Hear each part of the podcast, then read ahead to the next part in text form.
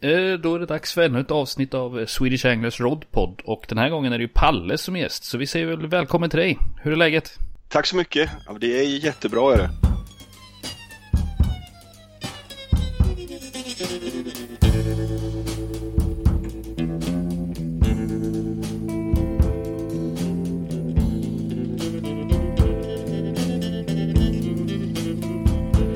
I've had enough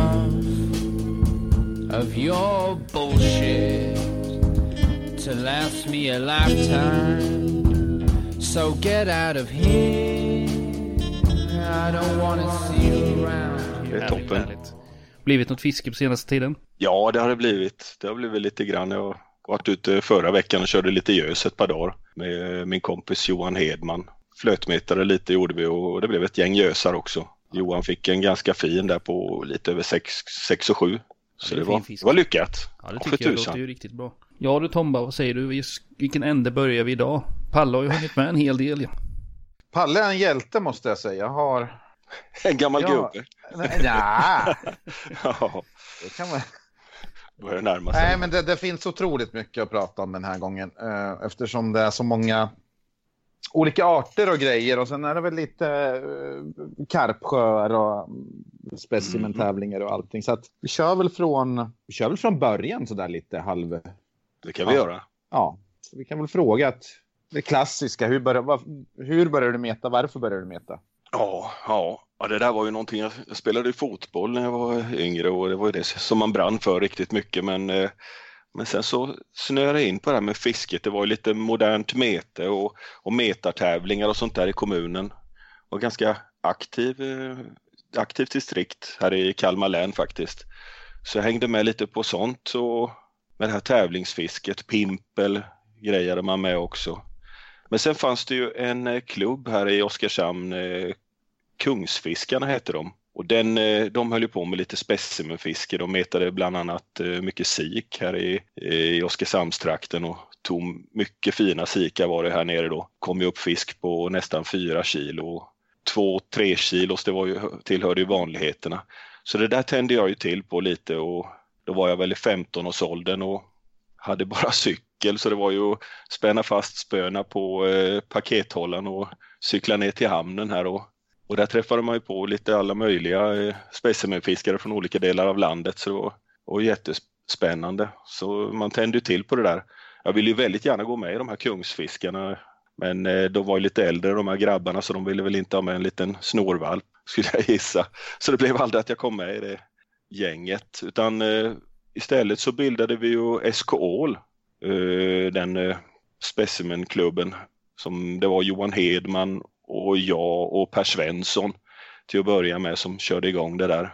Och sen blev vi lite mer grabbar här från Oskarshamn, lite yngre förmågor då än de här kungsfiskarna.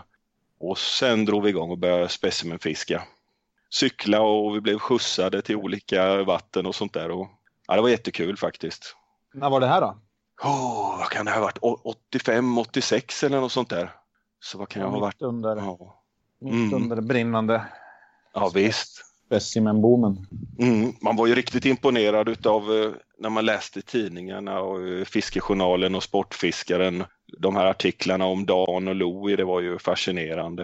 Eh, hur stora fiskar de fick i Ljungbyån och Kölbydammen och allt det här så, så det fick ju en att brinna igång ordentligt. Jag skrev faktiskt eh, brev till Louie och frågade om tips och grejer och sånt där när jag var i 15-årsåldern och fick svar utav honom också. Så han gav lite tips och sånt där. Och sen var faktiskt Dan och Louie de kom och höll ett föredrag för oss i SKL. Det höll vi i Misterulds skola. Kom de dit och visade massa bilder för oss och, och ritade riggar och tackel och grejer och sånt där. Det var jättekul var det. Jävlar. Ja, det var jätteskoj faktiskt. Sen eh, avslutade vi det med en liten gäddfisketävling i skärgården som de var med också på. Ja, det var häftigt. Jag skrev en låt till Louis faktiskt. Har du gjort det? Nej, ja det är klart.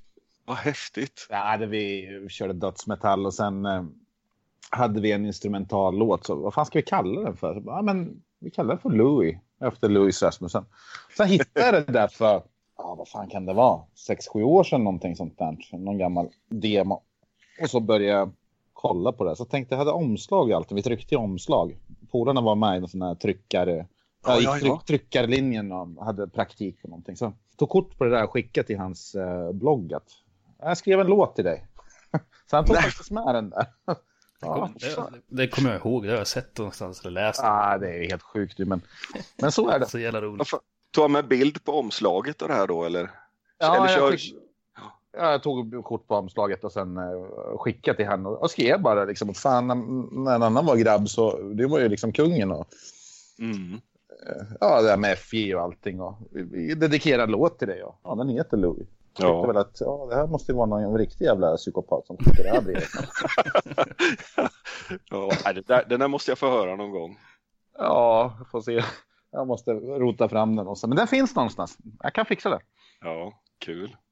Det var han värd tyckte jag. Ja, helt klart. Inspiration. Ja, det är nog många som har tänt på specimenfisken när de eh, höll igång alltså. Det var roligt. Eski Anguilla, det var ju fascinerande tycker jag. Mm. Ja, Nybro Anguilla och sen vad var det Glimma eller någonting där i slutet. Ja, precis. Ja, där gick de ju med sen och fiskade för dem några år också. Och sen eh, Östgötarna var ju häftigt också att läsa om. Det var ju en hårt satsande klubb tyckte man och Kaj Jonsson i spetsen och eh, Bengt Nilsson och de här. Ja. Det var ju riktigt häftigt med. Ja, det fanns ju några. Tinka och Uff och vilka de nu var. Ja, Rutilus var väl, de var väl inte, ja men de var med rätt, rätt hyfsat i alla fall där. Ja för fasen, de var med tidigt också i början. Mm. Så man har var- suttit och lusläst eh, gamla tidningar så här äldre nummer då och kikat på allt det när det började. Så det har varit jäkligt kul att läsa de, de här eh, artiklarna du har skrivit om, om eh, specimentävlingen och specimenfisket i Sverige. Det tycker jag verkligen. Ja, det var faktiskt rätt så um, svårt eftersom man inte var med på den tiden. Så det blir ju lite av en tolkning så som jag tolkar hela. Ja, dels medierapportering och allt det där. Men, men det var väl så man, man upplevde själva tävlingen. Eftersom det inte fanns internet, det fanns ingenting, det fanns bara FJ. Så- ja visst. Ja, så alla har väl en egen uppfattning om, om hur det var. Mm. Eh, Ja, det var lite- Det var lite annorlunda då. Man fick sitta och skriva ut eh, anmälningsblanketter och sitta och fylla i. Skicka in på posten och grejer. Nu går det lite smidigare när man ska anmäla någonting någonstans. Ja, Men samtidigt så var det ju, alltså man fick ju inte reda på det för det tog ju ett tag innan man fick rapporter och status och sådana grejer förmodar jag. Man Ja, hade visst ju. mycket- Man hade väl inte så mycket annat att gå på om man inte hade kontakt med de andra lagen och, och man sa väl ingenting förmodar jag heller. Utan det fick snällt sitta och vänta till, till den damp ner i, i, i brevlådan och, och kolla hur läget var. Ja, det var ju så. Det bara dök upp eh, en rapport och sen allting som stod där i, det var ju liksom en överraskning. Det var jävligt skoj. Jag kommer ihåg, vi brukade ta med till skolan och kopiera upp de där listorna och dela ut till alla i laget och sånt där.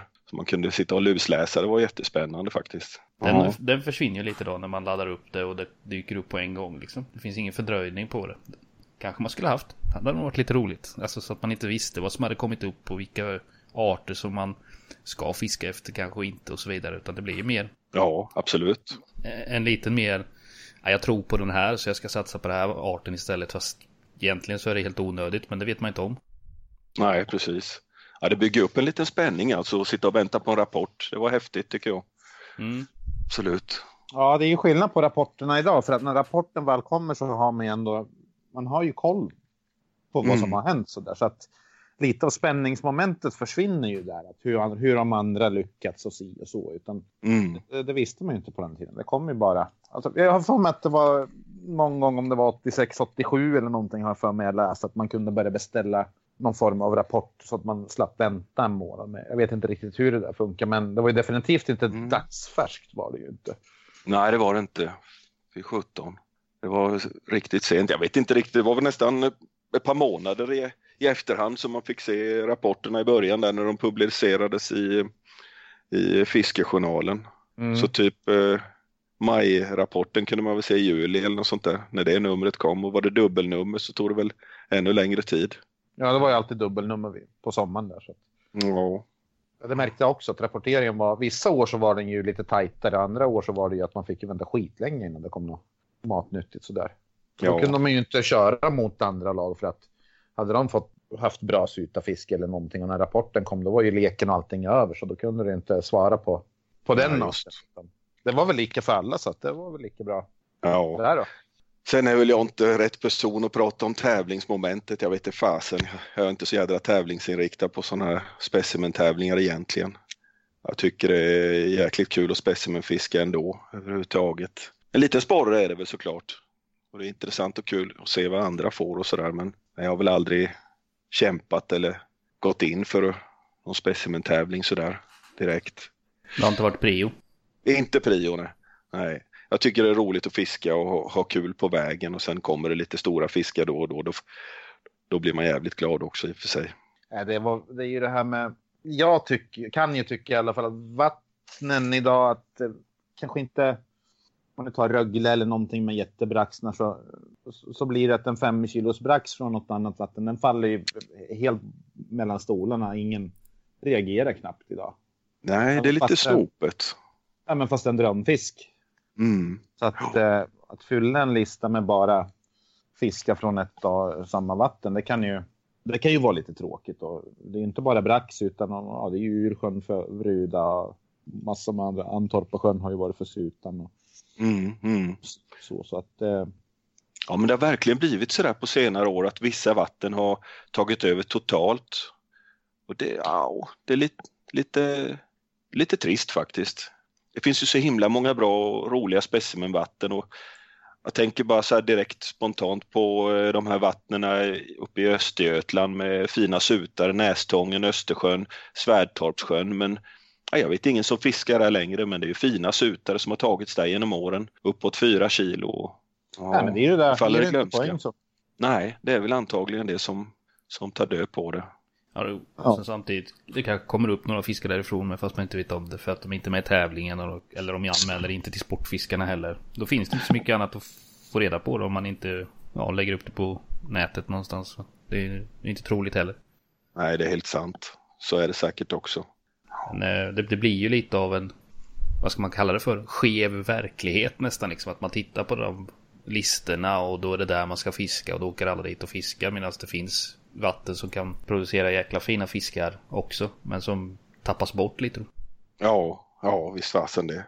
Det kanske fiskar mass, det kanske är massor med folk som sitter i de där östgötavattnen fortfarande och fiskar. Massa glada östgötar som sitter och jublar i busken för att de slipper, för de slipper hela svenska specimeneliten där. Mm. Har det kanon. Sen Hoppas jag det. ju- Ja, ja, det såklart. såklart. Mm. Vi är med i Specimencupen bara för eh, ja, lite skojs skull så där i år. Testa på det. Och det är ju det är ett jävligt roligt koncept det här att man kan bara anmäla två fiskar från samma vatten. För då blir det ju verkligen att du kan ha toppfisken. Du kan ha två skitstora braxar för Rögle. Men sen kan ju en tre kilos brax eller en tre kilos brax ge ju poäng. Mm. Så att, eh, och sen eh, lag med fyra medlemmar, att man inte kan fylla ett lag på 15 pers och sen dominera utan det blir mer, du får mycket poäng ifall du reser mycket, testa dig fram på olika sätt. Det, det känns lite mer specimen, alltså den här gamla specimen hunter-tänket att Ja. ja, testa nya vatten och försöka. ja, det låter riktigt kul alltså. Jag har ju inte provat att vara med i den där tävlingen men det kanske man skulle göra. Det är alltid kul med nya koncept tycker jag. Jag testade i år bara för att kunna, jag skrev faktiskt ner en lista så att de här arterna från de här vattnen ska jag pricka. Mm. Och sen eh, satsade jag på det där, men ja, det gick väl så där. ja. Vad hamnar du på för plats då? Nej, jag har ingen aning. Jag har inte gått Nej. all in för det. Jag tror jag ligger kanske 11 eller någonting individuellt. Det är inte jättemånga med på den här heller, så det är ju ingen, det är ingen liksom framskjuten placering på något vis. Men det var mest för Mm. min skull, att, eh, min egen skull, att kolla ifall man kan eh, fiska Mm. på så vis. Att man, man åker till ett visst vatten och har två fiskar. Två, alltså det behöver inte vara två jätte, jätte, jättestora, utan två schyssta fiskar från. Så nu ska jag ha två mörtar från Kolbäck, så ska jag åka dit och så la jag ett nattfiske där. Fick en på 630 och en på 500. Ja, men det här får duga för mig. Och sen eh, ska man åka till någon annan sjö och köra lite ruda eller någonting. Och... Men sen märkte jag fort att problemet är ju att man får ofta en väldigt fort. Får en ruda. Men den andra kan ju ta två eller tre dagar och då blir det ju så att fan ska jag satsa på det här någon mer? Är det värt att åka dit eller ska jag prova någonting annat? Så att, Ja, ja, det är spännande. Ja, fasen. Nå- Något som jag tyckte var riktigt kul är den här småländska specimentävlingen. Den drog vi igång 1992 Och den eh, lever ju kvar ännu idag. Det är ju ett starkt specimenfäste, Småland kan man ju säga, men den har ju gjort eh, att det har dykt upp mycket nya vatten. Där är inte listorna så brutalt grymma som de är i svenska specimentävlingen. Så där, kan det, där lönar det sig att testa lite nya vatten. Man, man kan hitta någon ja, sarva på 8-9 hekto går ju in i listorna så att testar man sig fram lite och, och provar nya vatten så brukar det alltid ge lite resultat också. Men vad har ni för regler där? då? Är det också så två vatten eller två fiskar på vatten eller? Nej, det är väl ungefär i stort sett samma regler som i svenska specimentävlingen. Ganska lika är de alltså. Okay. Så vi har 15 eh, poängplatser. Är det, vi har varit uppe i 20 poängplatser några år men eh, just nu är det 15 poängplatser då. Och sen är det ju sådana det är sådana typiska arter som finns i Småland. Det är ju inget ungefär samma som i svenska specimentävlingen. Harr och harr och sånt är ju inte med om men... Nej. nej, nej. Men är det bara smålänningar som är eller får man vara med från hela Ja, man får vara med. Jag tror till och med det är någon från Gävle som är med där i, i år och tävlar. Hon eh, Linnea Lönn är med tror jag. Okay. I ett lag så det, jag vet att Viktor Hallensjö har tävlat också med något eh, Smålandslag. Och han, är, han är mycket nere i Småland och fiskar också. Så. Ja, han är överallt den där mannen. Ja, han är ju det. Men hur många lag är det med där? I småländska vet du? Ja, det var en bra fråga. Jag tror det är en det är någonstans 12, 13, 14 lag eller något sånt där som, som är med och tävlar.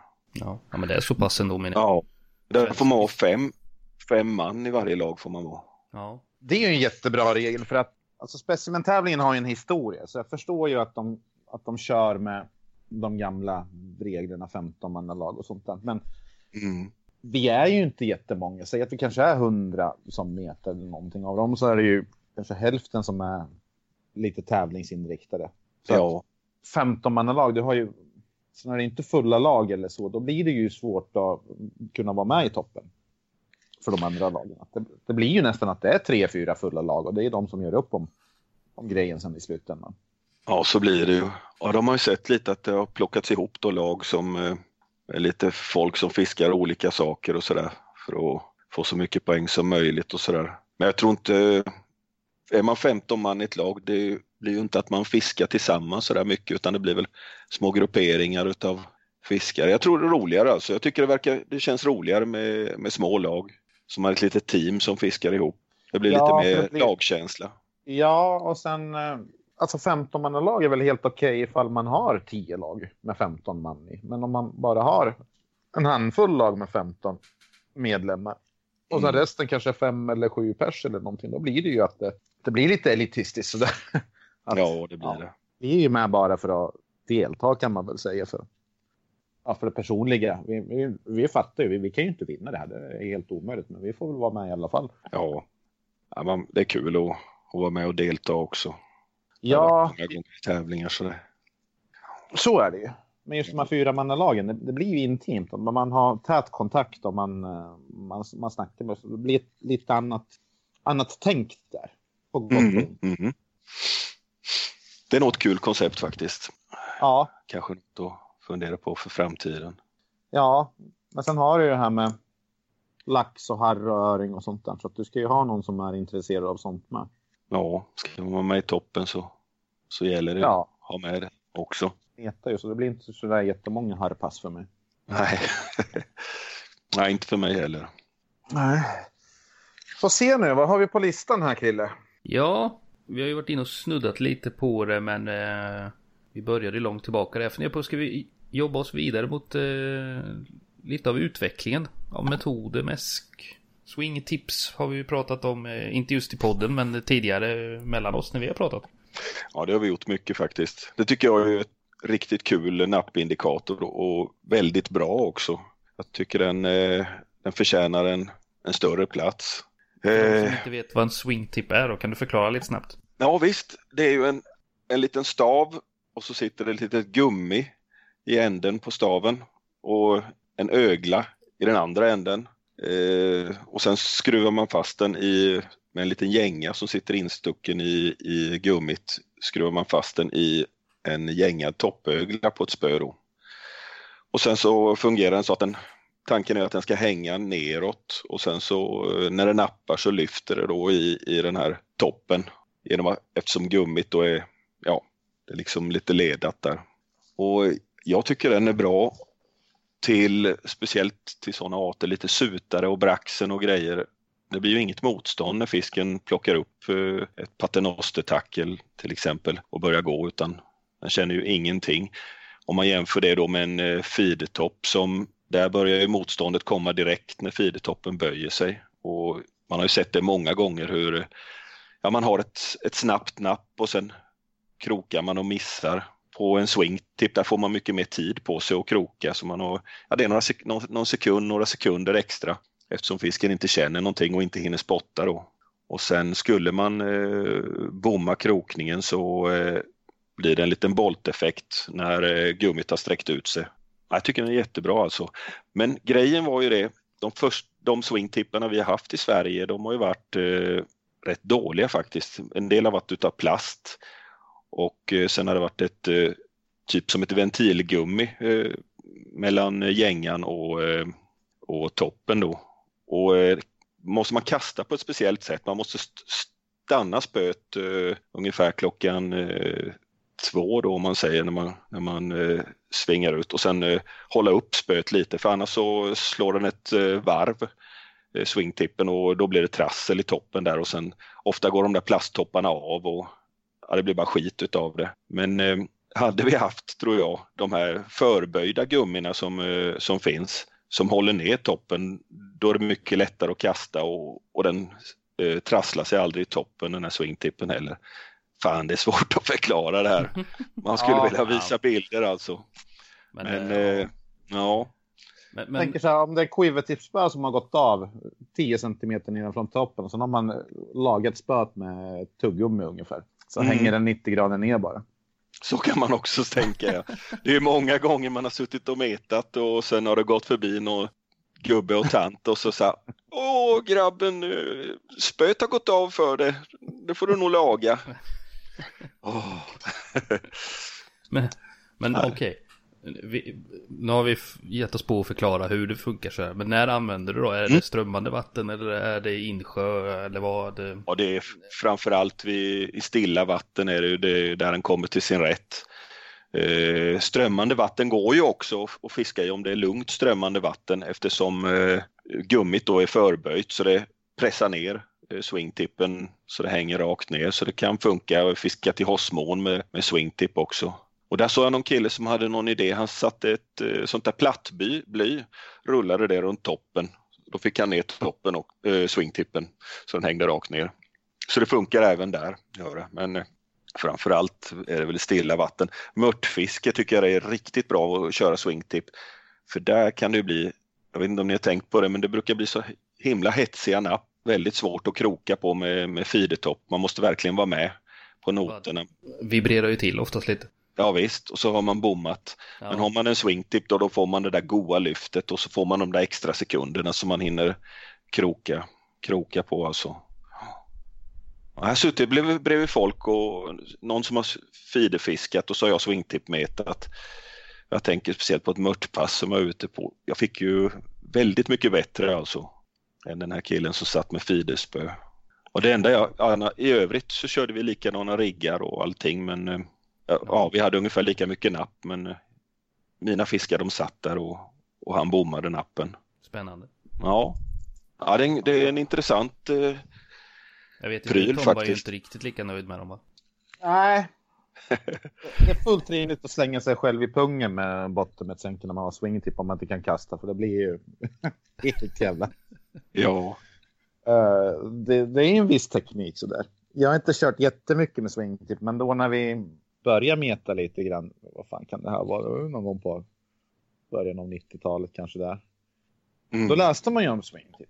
Det här ska ju vara någonting i hästväg. Typ. Och sen fixar vi sådana här gängade toppugglor och fixar dem där. Men nej, vi vart inte. Jag tror Ronny körde väl ett tag med den där, men vi andra gick över till um, man kunde ju köpa även quiver typ. Så alltså, vi körde ju med vanliga niofotsspön, alltså jiggfiskespön och sladdriga. Och sen hade man gänga toppögder. Sen kunde man även köpa en quiver typ. Till den där. Mm. Vilket inte... alltså, knappindikationen var väl okej. Okay, men själva... Eh, fan kallas det där för? Eh, spö, eh, aktionen på spöet var ju katastrof. Så själva spöet kunde ju vara rätt styvt och sen hade det en topp som var som spaghetti. Så det såg ju lite knäppt ut där man grillade fisken. Ja, jag har också haft massa sådana quiver-tips. Ja, det är ingen som... inte tag på ja. så det var ju det var ju enda chansen att kunna, kunna meta för oss. Mm. Länge. Ja, jag, har köpt in nu från England eh, sådana swingtips i kolfiber och eh, med förböjda gummin då från Seymour. Det är ju de som tillverkar de här förböjda gummina. Så de är ju suveräna. Det är stor skillnad mot de som fanns förr då. Jag tror det hette Middy, hette väl något uh, märke som gjorde swingtip. Uh, ja. Vi beställde från Fisk, vad heter det, Fiske och Fiskar eller någonting sånt där. Som sålde de där tror jag. Ja, just det. Fan, det har jag glömt bort det stället. Fly Fisherman var något också som sålde mycket metergrejer. Där köpte jag mycket ifrån. Ja, uh, Järf... Nej, inte Järfälla. Vad fan heter det där? Mot Älvsjö någonstans var det väl? Ja. Har jag för mig. Där var jag också handla någon gång. Mm. Det är samma butik vi tänker på. Ja. Men det var ju på den tiden man fick en sån här pappers, ungefär som en gammal Ginsa-katalog med lite blyertsteckningar på grejen. Ja visst, de läste man ju sönder. Ja, och sen man... attacken liksom. Ja, och sen ehm, det var ju lite så, det var ju inte, inte så jättebeskrivande grejer alltid, utan det stod ju bara att ja, men här har du ju bankstick, bra bankstick, 20 spänn och sen när den kom så var visst, det var ett bankstick, det var inte så jättebra. Nej, precis. All, alltid sådär. Men äh, fan, vi hade ju skitsvårt att få ta på prylar så vi var ju nöjda bara med att vi fick någon, någonting. Så slapp man ju tälja någon jävla bankstick själv utan det var ett stort framsteg. ja, fasen. Nej, jag bara tänkte på de där gamla märkena man köpte. Triton Ledger hette något spö som jag hade med gänget toppögla och sen Kunnan Ledger. Det är säkert många som minns de där som har haft de spöna också. Det riktiga sladdriga. Gummiband. Ja, men det, det, var ju så när man kollar på de här eh, FI och grejer. De körde med ja, Nybro-grabbarna. De hade liksom två eller tre spön var. Och sen satt de med ett helt blad och spöna. Det var ju sådana här fem meters teleskopsgrejer. Då. Ja, just det. En skitliten gammal kardinalrulle. Man tänkte men det, det är ju så där det ska vara. Liksom. Det, det, är så där det ska se ut. Då. Ja, det var häftigt. Ja, jag vet. Ja, jag, köpt, jag körde också med sådana åtta fots kastspön som jag eh, filade ner toppen på och sen eh, fick på en sån här gänga toppögla och sen swingtip och quivertips och grejer. Mm. Cyklade man runt med. Krok. Mustadkrok hade, körde vi med. Så Och köpte man i lösvikt, 50 öre styck kostade de. Så kunde, hade de en sån där, vad fan ska man säga, som man hade nästan så här smågodis på. Så kunde man ah, ta tre sådana och sen tar jag tre sådana. Och... Fan vad mysigt. Ja, jag vet inte fan. Men... Gäller att ta rätt godispåse på kvällen med. Ja, och sen var det ju om man fick bottennapp så det var bara att dra lite så rätade man ut hela jävla kroken. Så då fick man tillbaka bottenmettsänk. För det var ju det som var viktigt. Bottenmettsänket kom tillbaka, för den var dyrare än kroken. ja, bara böja tillbaka kroken sen och på med en ny mask och ut. Herregud, fan vi cyklar runt i gamla alltså bagerier och sånt där. Och hämta gammalt bröd som vi rostar själv i ugnen och malde ner till något som liknar lite mäsk och kasta i. Och... Mm. Du vet, man gick i plugget. De pengarna som kom, det gick ju till sig. Sig och mäsk, ja. Uh, nej, inte mäsk. Det kunde vi inte köpa, så det fick vi göra själv. Ja, ja jag har också gjort det. Gått och tiggt till med lite limpor och sånt där och rostat och mosat ihop. Ja. Det funkar det bra det med. Ja, det funkar. Men det hade ju sin tjusning. Mm. Vi var ju växt, vi läste om Kaj Jonsson, han hade ju, vad heter det? Koskit. Nej, ja koskit också men det var någon som, jag kommer inte ihåg någon Kaj Jonsson, men det var någon som sa att torv funkar ju jävligt bra med skamma för braxa. Och då tänkte Aha. vi så, vart finns torv? Och hur fan får vi ta på torv? Och så tänkte vi att, ja men vänta nu, växthuset i Eskilstuna, de har ju torv och jord och sånt där. Det står ju utomhus på nätterna. Det är ju ingen som vaktar dem där. Så vi drog ju dit och snodde såna här jävla 50 liters säckar med torv på cykeln. och cyklade med dem till motorvägen och gömde i diket och tog i plastpåsar och grejer. Hemma och blandade. Alltså, fy fan. Det funkar inte alls. Ja, kan man krama bollen nu? Ja, sen när man kastar i bollen, vet du, det flöt ju det där hela taget så det bara spolades ner. Ja. Ja, Jordens meck. ja, underbart. Ja. Alltså på så sätt har ju utvecklingen gått framåt. ja, Eller är det för att man har mer pengar nu kanske? jo, man är be- bekväm också. Ja, jo så är det ju. Men eh, sen- sen är det väl lite så med att idag känns det som att det, det kostar ungefär lika mycket att kämpa med eget mäsk som att köpa det. Ja, faktiskt. Ja, det är så. Jag menar, Men vad alltså, man har ju köpt någon påse med, med liksom bara, bara rostat bröd. Det skulle man kunna göra själv om man bara hade energin till egentligen. Mm. Men kostnaden är ju så pass lite tycker jag så att då spelar det ingen roll. Ja, men vad fan, man hade ju kunnat döda för en sån där påse polsk mäsk för 11 spänn på 90-talet. Så man har blivit lite av en finsmakare med. Nu kör man, ju, man köper ju inte vad som helst, utan då, man har ju sina specifika favoritmäsk som äh, den kostar lite mer. Äh, skitsamma, det är bra mäsk. Så, så att, ja, man blir ju lite. Ja, så är det ju. Men nu jobbar vi och tjänar pengar också. Jag vet inte fasen, eh, det finns ju inte så mycket ungdomar som specimenfiskar. De kanske har gjort likadant som vi. Jag har ingen aning. Ja, med tanke på gäddfisket hur det ser ut så att eh, folk lägger mycket pengar på sina hobbys idag. Ja, det är sant. Det gör de. Det är sant. Men vad heter det när du, om vi ska återgå till tråden här. Eh, vi körde ju lokalt först, vad jag förstår. Men eh, när började ni blicka, blicka mot de här eh, sjöarna och åarna lite längre bort då? Ja, e- egentligen. Ja, jag har åkt på lite turer. Lite då och då har jag gjort eh, genom åren.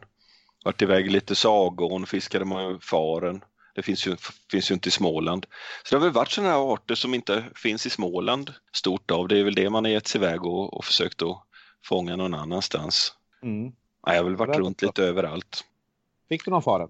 Ja, jag fick faren faktiskt. Jag tror jag har pers på 780 och det är ju rätt bra faktiskt. Jag tror, eh, vad fasen har Sandström har väl, är det han som har rekordet fortfarande va? Micke Sandström. Ja. 800, nej jag kommer inte ihåg, något sånt. Så det är inte så Nej. långt ifrån. Mm. Jag fan inte heller. Just faren-rekordet är ingenting man har så i bakfickan. Nej, annars har jag fiskat rätt mycket i Småland alltså för det, det är ju ett eh, fantastiskt landskap. Det finns ju nästan stor fisk av alla arter som man kan önska sig. Sutare och braxar och grejer och färnor. Ja, det mesta finns ju här så men lite turer har man ju gjort. Rögle har jag varit ner och fiskat i och utomlands har jag åkt mycket och fiskat karp och sådär också. För att få Mm. lite extra stora. Svartån har man varit och nött i lite och lite väst, Härsjön? Också, ja för tusan. Det var riktigt kul. Det var ett par, tre gånger. Satt en vecka åt gången. Ja, det var jätteroligt var det. Jag var väl inte där när det var på topp utan det började ju svikta neråt. eh, Och de började magra av braxarna lite grann så eh, jag fick aldrig någon riktigt stor där men man fick ju mycket sådana här fyra kilos eh, fiskar och det var ju riktigt stort på den tiden. Det var jättekul. Fånga sådana började med lite snudda på boltfisket också där eftersom man fiskade dygnet runt då i, i sju dagar.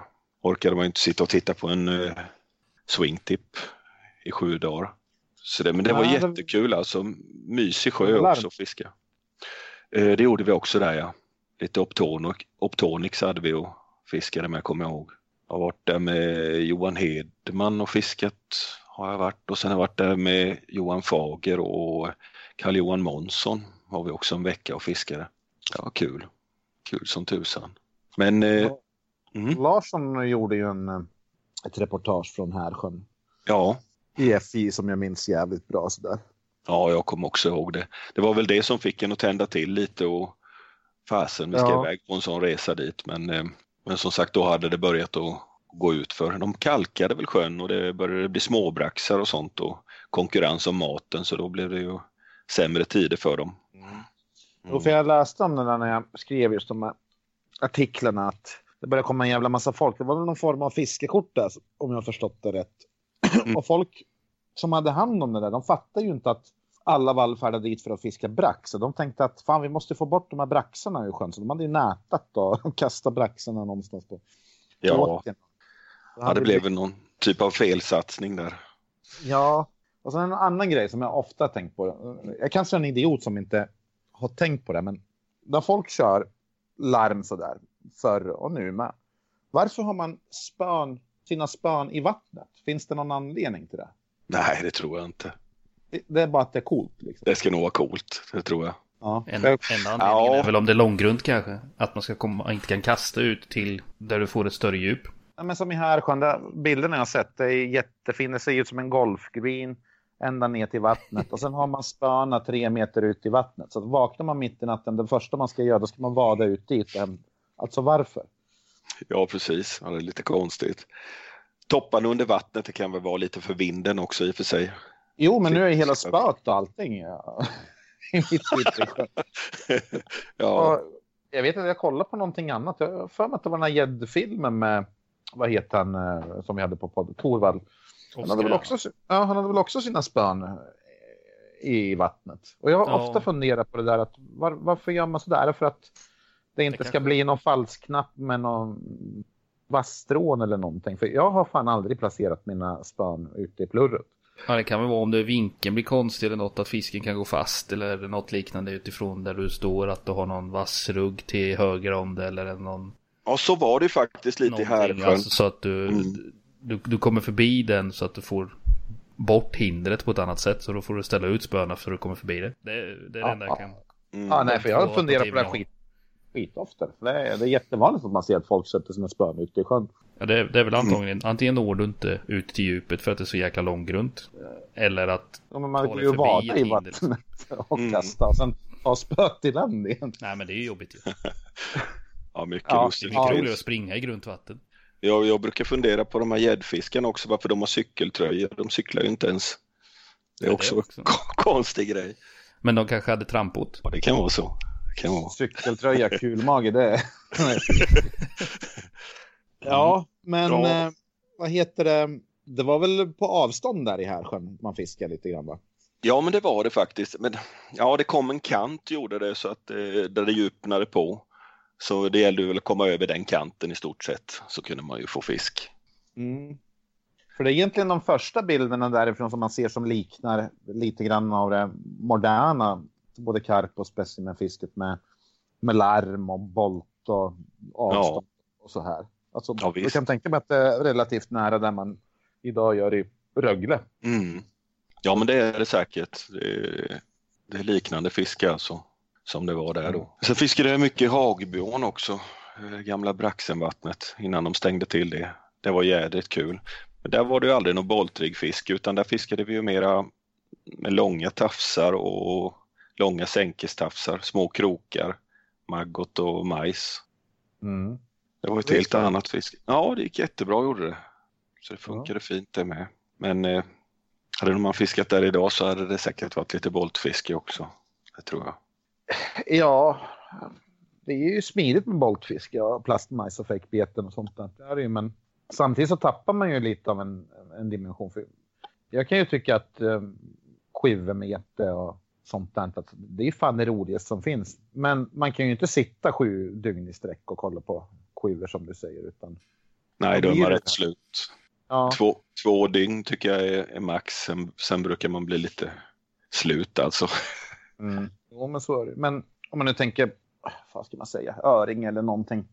Själva fisken, alltså, jag, jag tänker lite så kring mörten att jag skulle förmodligen få bättre resultat ifall det skulle bolta och så. Men jag, jag tycker att just det här quiverfisket, det är ju så jävla roligt. Mm. Att det spelar nästan ingen roll om jag inte får de här andra största, utan det, det är så jag ska ha mina mörter. Jag, jag vill se nappet, jag vill själv kroka den och, och, och känna allting. Ja, jag tycker inte det funkar riktigt i alla arter heller. Så, mört är ju en sån fisk, den, den skulle jag... Jag har provat att boltfiska dem men jag lyckas inte bra med det alls. Jag har testat att fiska ett boltspö och sen har jag fiskat med swingtip bredvid. Jag får alltid mycket mer på swingtipspöet.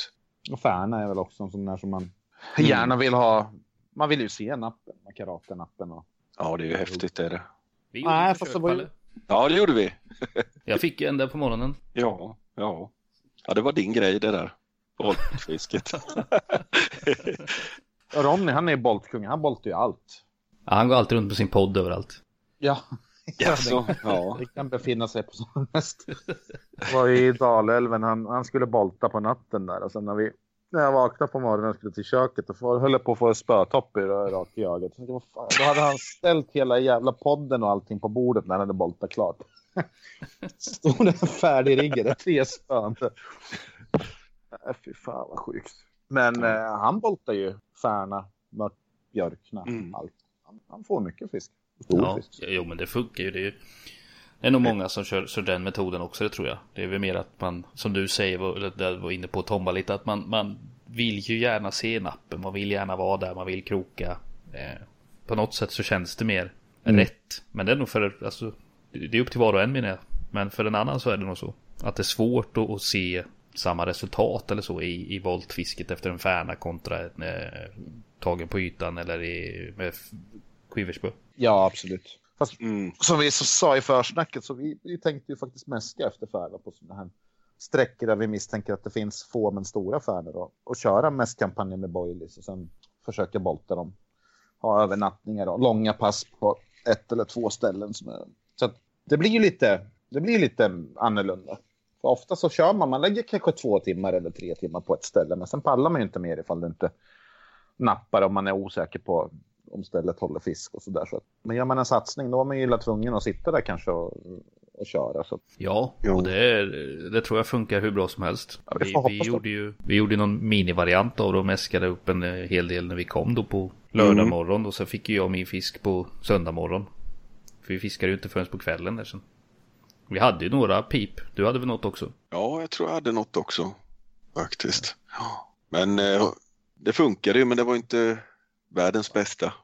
Nej, absolut inte. Nej. Så var ju kanske inte världens bästa väder heller för den delen. Nej, det var inte det. Det var Riktigt kallt. ja, hösten Ja. kom fort i år. Mm. Just där och då gjorde den det i alla fall. Ja, verkligen. Sen har det varit milt. Vi har haft milt här nere i alla fall. Ända sedan efter dess vi fiskade Färna så har det varit eh, plusgrader här. Jaha. Gråväder och, och, och regn. Ja, ja, jag har haft samma. Ja, Det är bara, det är bara Tomba som bor för långt norrut. ja Eskilstuna, ja det är... ja. det är ju Norrland. Ja, ja. Nej, men nu, nu är det fan, det är ju riktigt jävla... Det är minusgrader näst, nästan på dagarna också. Det är bara någon enstaka plus och sen är det ju 4-5 minus när man vaknar på morgonen. Så att Mm, mm. för det blir vinter hemma. Ja. Nej men eh, kring det där boltfisket alltså det, det, ja, jag tycker det finns många arter där det är mycket bättre att meta på annat vis än boltfiske. Det är absolut inte det effektivaste till mört och sarv och sådana fiskar. Det skulle jag väl vilja lägga till. Men det funkar ju till dem också. Ja, rudan Mm. funkade ju när vi var i Djursjön. Ja det gjorde du. Ja, inte för oss, men för Martin. ja. Ja Martin var ju boltkungen där och absolut. Det var ju lite, lite roligt att... eh, Jag tror att det, det är inte jättemånga som har... Det är väl alltid någon som har försökt, men han lyckades verkligen. Ja det gjorde han. Absolut. Och riktigt bra fiske hade han. Han slog ju oss med hästlängder. Vi som satt och flötmätade. Men sen resan efter, då var det precis tvärtom. Då. Mm. Han fick ju ingenting på boll, så bytte han till flötmeter och drog en på 2-2 eller vad fan det var. ja, Ja. 15 sekunder. Ja. Ja, det var kul. Verkligen. Han som, han som inte gillar flötmeter. Nej, Jag, lyck, jag lyckas aldrig med det, så Det går inte. Jag går aldrig hem. så tog det 15 sekunder så hade han en, vad vägde den? Över två i alla fall. Två, Jag tror nästan 2180 tror jag var på. ja, riktigt fin fisk. Grymt. Det var Det är roligare. så. Så. Riktigt kul. Men nu står det här, dina arter i dina trakter, sikborre eh, etc. Just siken eh, har väl varit en sån här liten paradart, men eh, det ser väl värre ut idag va? Ja, ja, det var ju jättebra under 80-90-talet och en bit in på 2000-talet också. Kanonfiske. Det fanns så mycket ställen och man kunde i stort sett bara åka ut och hitta någonstans där man hittade en tre meters kurva man nådde från land. Eh, tre meters djup så fick man sik. Fina. Nästan varje dag fick man eh, sik över två kilo om man satt och fiskade. Men nu har det totalt havererat och eh, ja, det är knappt man får sik längre. Alltså. Många ställen är helt döda. Jag vet inte vad det beror på riktigt men eh, en del pratar om att de tror att det var en viss art av sik som fanns då på 80-90-talet som har, eh, som, in, som har försvunnit och att det är några mindre sikart som finns nu men jag vet inte tusan alltså. Jag tror det brister i käk för dem. Det är någonting som de inte trivs med i alla fall. Det har blivit dåligt fisket. Men eh, det är väl inte bara siken som har blivit sämre, det är väl abborre och gädda och allt det andra som... Ja, det är ju lite, det är lite tragiskt att börja fundera över arterna här i Kalmarsund. Det är väldigt mycket som har blivit sämre. Alltså öringfiske tycker jag är klart sämre. 80-90-talet där var vanligt med 5 kilo, mellan 5 och 10 kilo var vanligt att få öring. Men eh, nej, inte nu längre. Får man glad om man får en öring och ofta är det små fisk. 1 till 5 kilo. Det är där de ligger om man får någonting. Och abborrfisket, ja det känner, känner ju alla till. Det är ju världskänt det här abborrfisket där mycket stor fisk nu, väldigt lite små fisk. Förr ja, det, det, är för... inte ett gott tecken där heller egentligen. Nej, när jag var liten då på 80-talet och cyklade ut, då kunde man ju cykla ut till vilken vik som helst och maskmeta och få abborrar så norm, i normalstorlek. 1 mm. till 3 hekto och sådär. Men eh, de där, är, det är inte så gott om dem längre. Ja, det är jävligt tråkigt. Ja. Men har de inte forskat i, i saker och ting? Alltså är det ingen som har någon teori på vad som har hänt? Ut? Ja, för att det är ju mer eller mindre en total kollaps. Mm. Ja, fortplantningen verkar ju inte vara bra alltså. Det måste ju vara något med det. Om det är lekplatserna som har förändrats eller vad det beror på. Ja, jag vet inte om hur mycket de har forskat på det faktiskt. Jag kan inte svara på det. Ja. Nej, det är ju det, det är likadant Stockholms skärgård och Santan och vart man nu har varit. Alla säger ju samma att det är ju det spillra av vad som en gång fanns. Mm. Det enda de säger att spigg finns det gott om. Ja, det kan ju vara en bov. Sen ja, pratar de ju om, om skarven då som den fanns ju i stort sett inte på 80-90-talet vad jag vet. Eh, det är enorma kolonier ute i Kalmarsund nu. Sälen har ju ökat också. Jag tror inte sälen är någon bov till småabborren så men spiggen och eh, skarven kan säkert få en mm. bov där. Det tror jag. Lite lustigt. Någon, eh, eh, vad heter den? Smörbult? Nej, vad heter den? Jo. Ja, just det. Som, som de trodde gjorde att eh, abborrarna ökade så pass mycket i vikt nu. Att det fanns så extremt mycket stora abborrar var väl att det hade... Mm. Att den hade blivit lite av deras huvudföda. Ja. Eh, har ju ingenting med att det inte finns någon reproduktion i det hela. Men det var väl också en sån här grej som det har snackats mycket om nu. Ja, ja det har det också snackats om stämmer. Jag vet inte, svartmunnad smörbult eller vad den heter. Den, ja, precis. Det finns jättemycket sånt och går man och lyser om kvällen och tittar i, i hamnar och, och sånt där så ser man ju dem i tång och under stenar och sånt där. Så det, ja, det är rätt de mycket har... sådana alltså. Ja, de har väl ökat i lavinartad fart om jag förstått det rätt. Mm.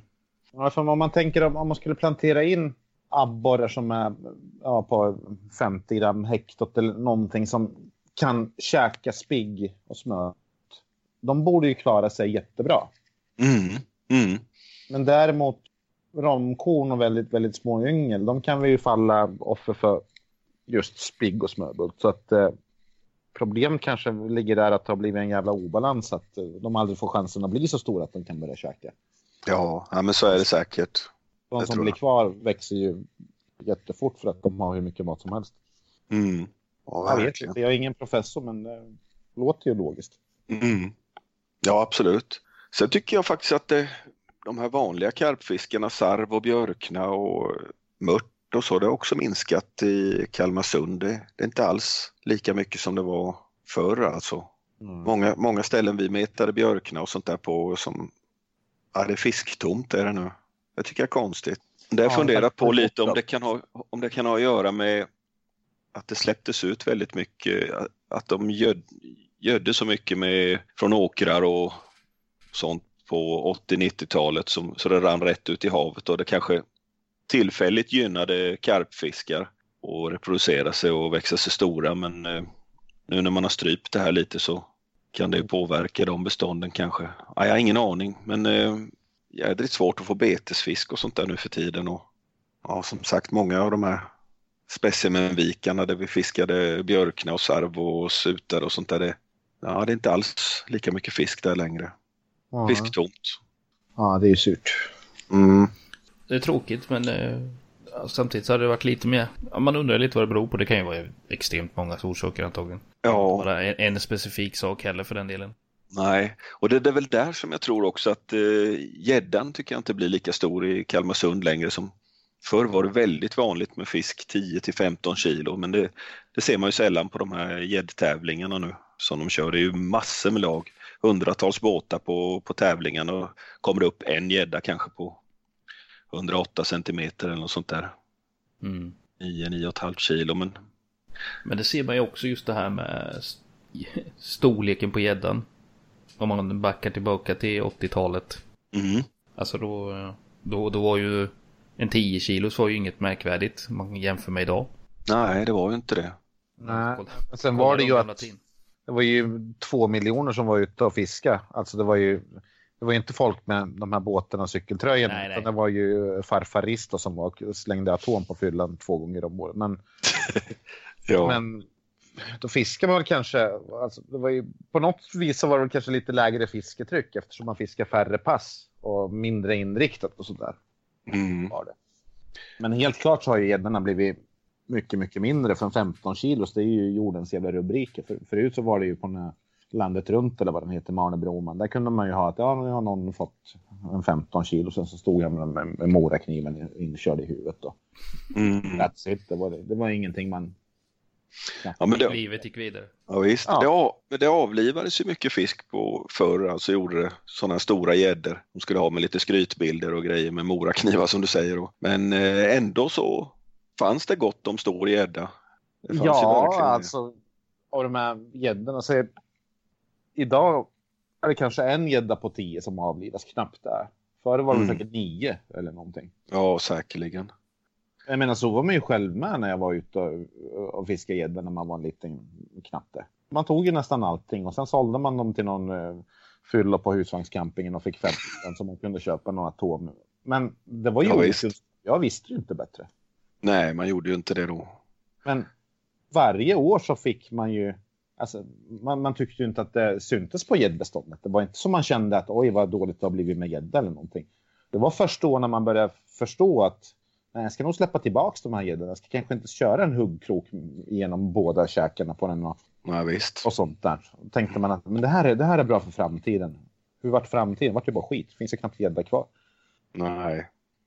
Men sen i Kalmarsund också, något som jag tycker med märka är ju att strömmingen har gått tillbaka antalsmässigt. Och, alltså förr var ju, man fiskar ju strömming i Oskarshamns hamn gör man ju och i Verkebäcksviken och lite ställen. Jag tycker säsongen är mycket kortare nu, de är inne i mycket kortare period eh, än vad det var då. Då kunde man fiska från slutet på april fram till lite efter midsommar.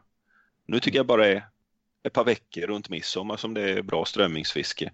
Så det känns som strömmingen har gått tillbaka också mycket. Vad det nu beror på, om det är trål, trålandet eller vad det kan vad det är som spelar in. Och det är väl därför jag pratade om havsöringen förut, att de är inte lika stora som de var förr. Där har det ju en stapelföda för dem, det är ju strömming. Så. Det blir Mm. kedjereaktion på allt där. Ja, det blir det. Mm. Ja, det är lite lustigt det här med synen om man nu strömming och torsk och sånt där. När man gick i skolan själv då var det ju, då var det ju torsk var och varannan dag. Alltså riktig torsk. Mm. Och jag menar, det kostar ju ingenting. Jag har typ 12 spänn kilot eller någonting för torskfilé. Det var, alltså, det var så här fulmat. Det var ingen som ville ha torsk ens. Nej. Eh, idag så är det ju så är det ju pengar i torsk. Så att även fast det inte finns så mycket torsk, då är det ju värt att börja fiska efter den. Du behöver inte dra upp 14 ton varje pass, utan det räcker ju med mycket mindre för att du ska kunna tjäna en hacka på det. Så, att, så är det väl med strömming och allting. Det blir ju, oavsett hur lite det finns kvar så är det alltid lönt att fiska efter dem eftersom man höjer bara priset på kilo. Mm. Såg ni den här filmen eh, Siste torsken eller vad heter den? Eh, som gick på tv för ett tag sedan. Där låg de ju och trål, trålade skarpsill utanför Gotland där som de skickade till Danmark. Det blev fiskpellets av det. Sen skickades till, till Norge och matades i, i fiskodlingarna och sen kom, fick vi tillbaka laxen hit då i våra butiker. Ja, riktigt tråkigt alltså. Ja, ja det, det är ju en sjuk industri. Ja, det är det verkligen. Jo. Tömmer havet på, eh, på fisk för att mata upp dem i korgar och sen skicka tillbaka dem hit fyllda med gift. Ja. Det är en bra idé. Jo, och sen har jag ofta funderat på det här, eftersom man mäter i, i ton. Att de, säg att om du fick ett visst antal ton torsk på 70-80-talet, då var det ju en snittvikt på, fan vet jag vad torsken vägde, men vi säger 6 kilo för att säga någonting. Då var det ju inte mer än, ja vad fan blir det ju, 150 fiskar per ton eller någonting sånt där. Idag är snittvikten ett kilo, då blir det tusen fiskar. Så att även fast du krymper själva kvoten i ton så blir det ju fortfarande lika många i antal fiskar så att säga. Ja, ja det är sant. Det har man ju aldrig pratat om. Man säger torsken blir mindre, torsken blir mindre. Vi, vi drar ner på kvoten. Men i antalet individer så blir det ju fortfarande nästan samma eftersom torsken är så mycket mindre. Ja, det blir sex- det. Det blir sex torskar på en. Ja, det är bedrövligt. Nej, fan nu pratar vi om något kul istället. Ja, för fasen. Skit i torsken. Hos- Hossmo då. Mm. Där har du väl lagt rätt mycket tid med.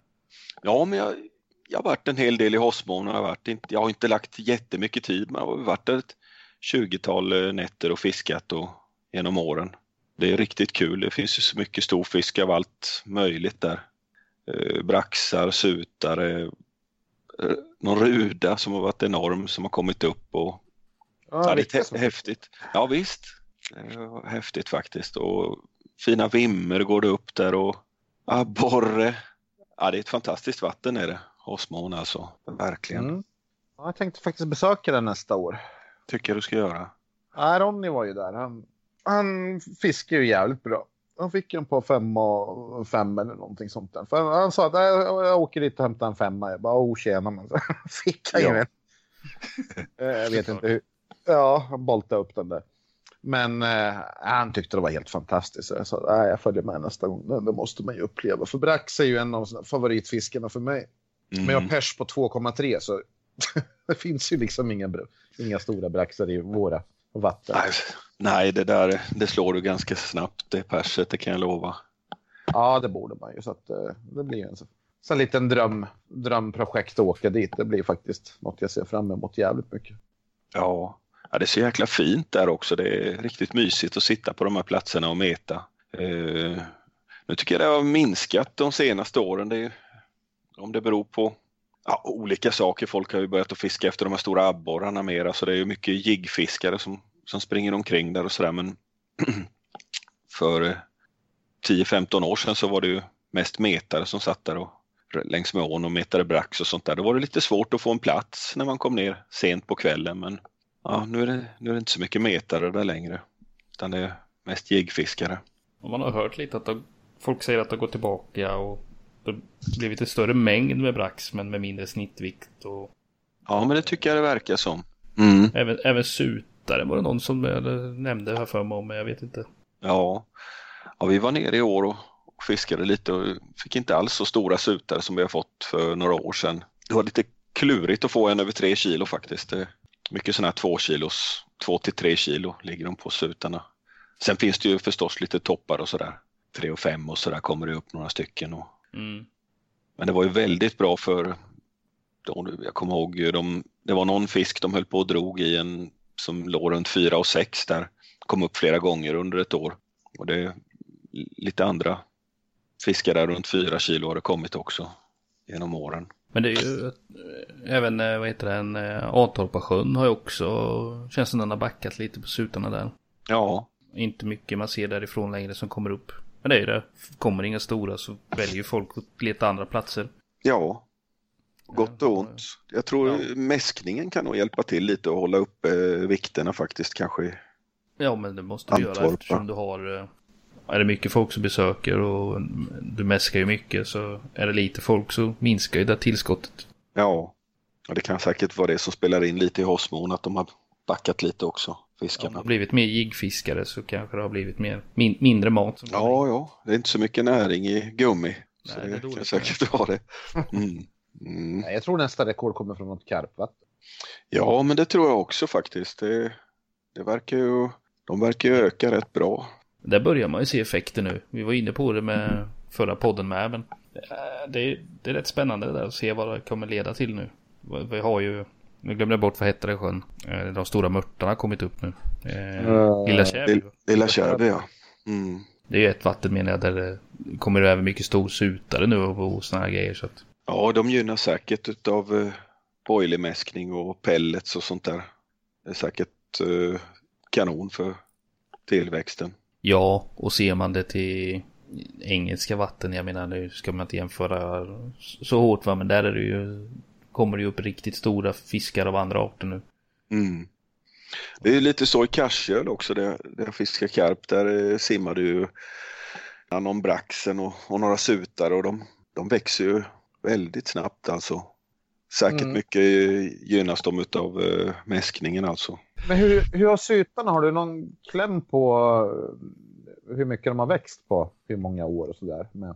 Nej, inte riktigt alltså, inte än. Uh, Mm. Vi kanske ska nämna det med om Cashgöl att det är ju, jag höll på att säga det är din sjö, men det är du som har satt igång hela det här projektet.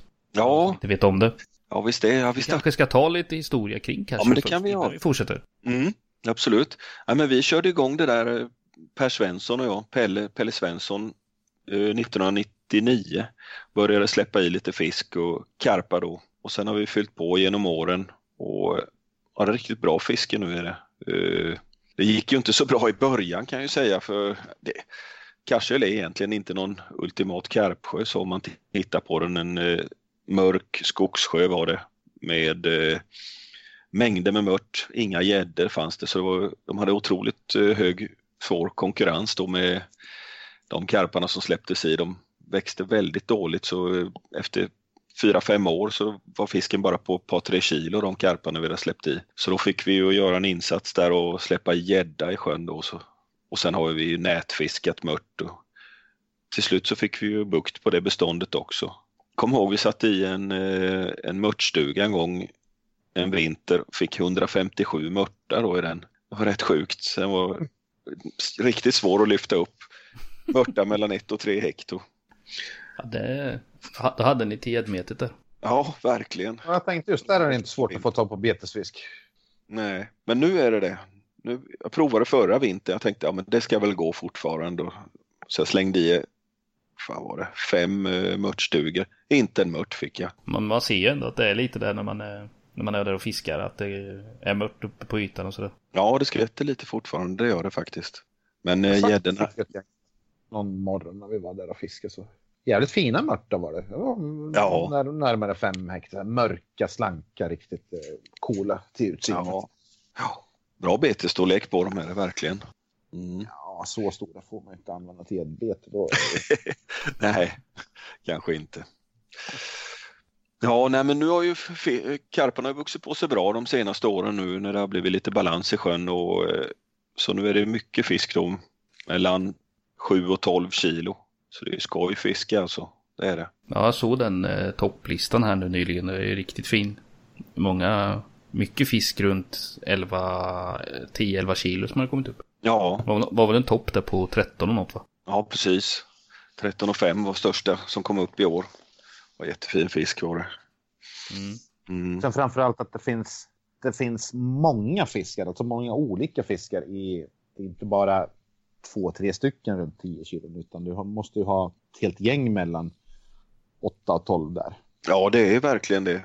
Och det dyker ju upp nya varje år så här man tittar vad fasen är det här för fisk? Mm. 10 och 1 kanske och aldrig sett förut. Så det är riktigt skoj.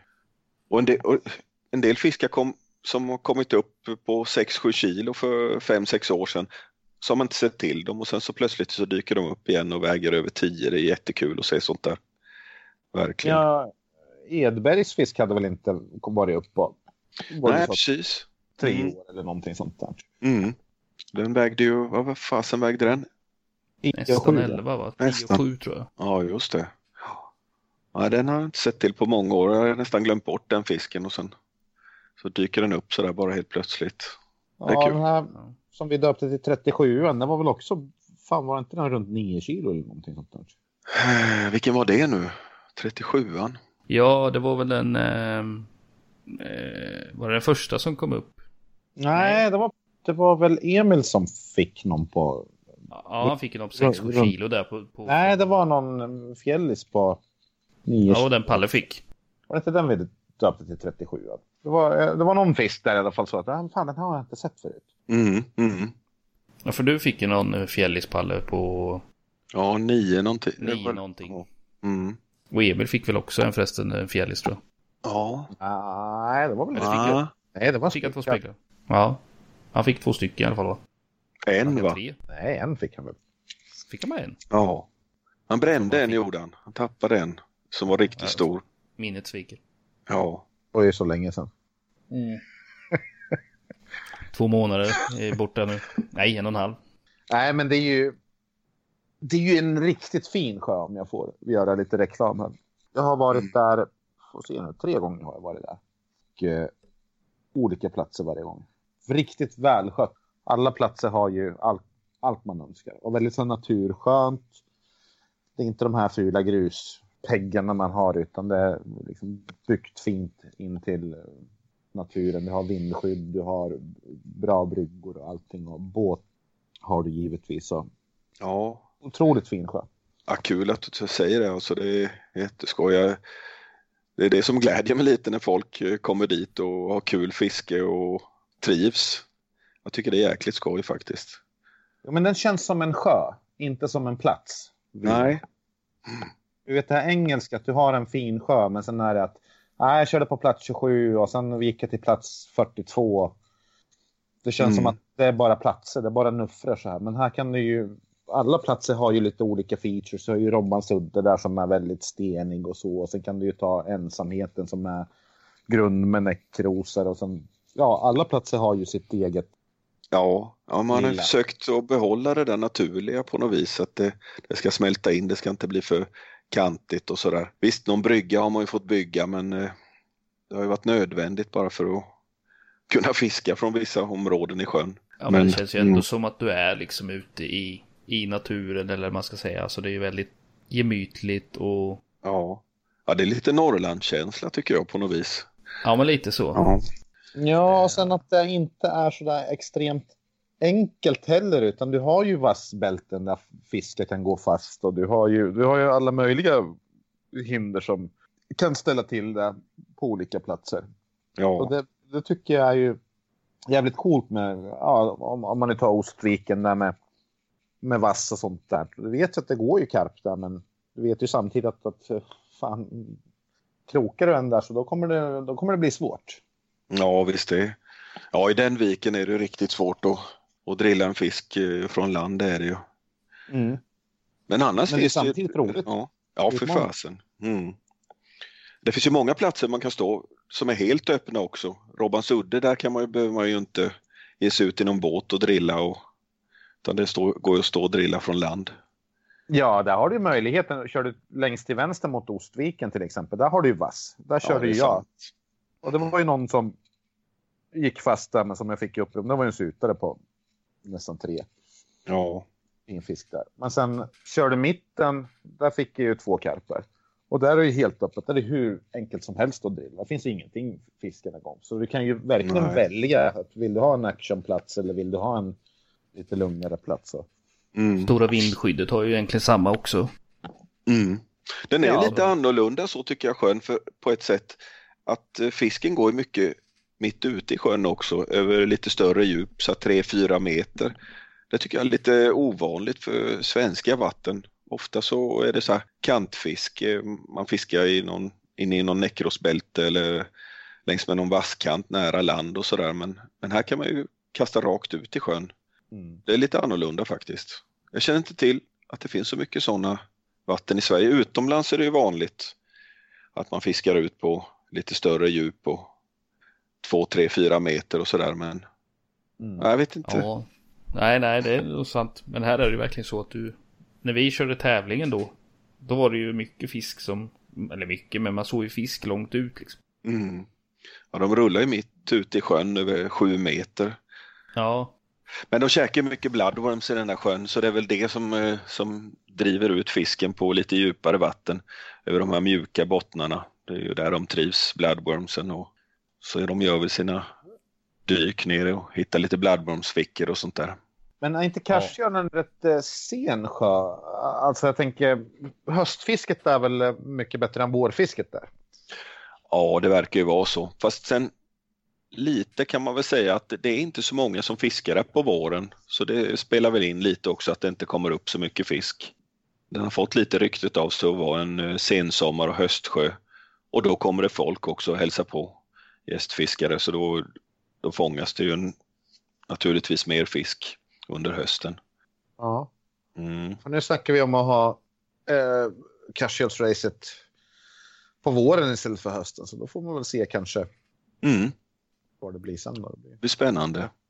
Det är Just Cashiels-racet tänkte jag på, för det är ju också någonting som är väldigt, väldigt unikt för, för svenskt karpfiske. Alltså en ren karpfisketävling. En, en karpfisketräff kan man säga. Mm. Eh, hur kom ni på den idén då?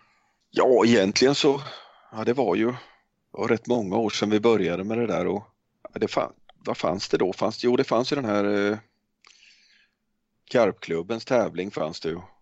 Men vi tyckte den passade bra sjön sådär. Vi ville ha dit lite folk och träffas och tävla lite tillsammans och fisken kunde få lite extra mat, en, en liten matboost där under ett par dagar. Och, så då drog vi igång med det där, men jag kommer inte ihåg vilket år det var riktigt, men någon gång på 2000-talet i alla fall.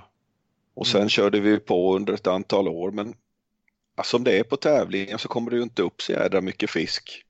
Så egentligen var det nog jag som blev lite let till slut. Det var något år eh, alla blankade. Så nu, nu skiter vi i det här.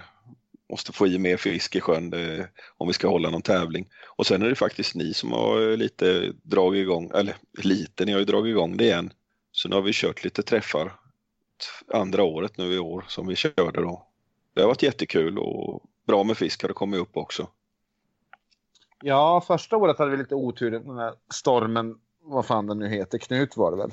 Ja, precis. Den drev ju in där, så det var ju, det var ju allt blåste ner i sjön för de som valde fel sida. Ja, Krille och Hedberg var väl där och var på sina poddar och grejer. Och sånt där. Men just den sociala biten, om man nu ska prata om vad heter det, karpträffar och sånt där. Att vi, så som vi har kört den så har vi haft mat när man kommer en liten, ja, gått igenom lite info och träffas och där. Och sen har vi ju träffats på lördagen där på dagen. Första året så hade ju du ett föredrag eller höll ett föredrag där om sjön, vilket var mm. otroligt roligt. Och sen mycket mingel och sånt. Och sen skapar man en Facebookgrupp där man kan snacka lite. Och har man platser bredvid varandra så kan man ju komma över på en öl eller två. Eller 37. och sådär. Mm.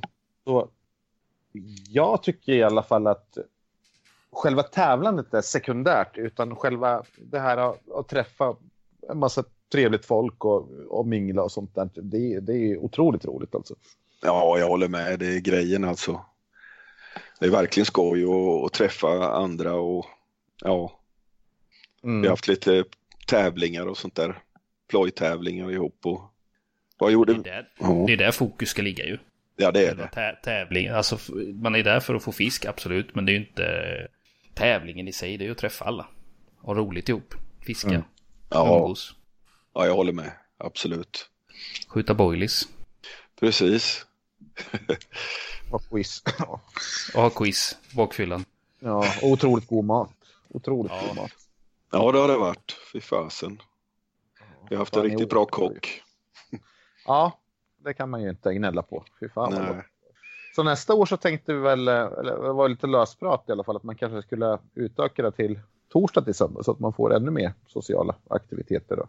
Det låter kul. Ja. Ja. Möjligtvis kanske få några föredrag om boilies eller någonting. Och, och lite sånt där. För det har vi kört med Ursjön med. Jag har tagit ett gäng och bokat sjön och haft den här sociala meterträffsbiten.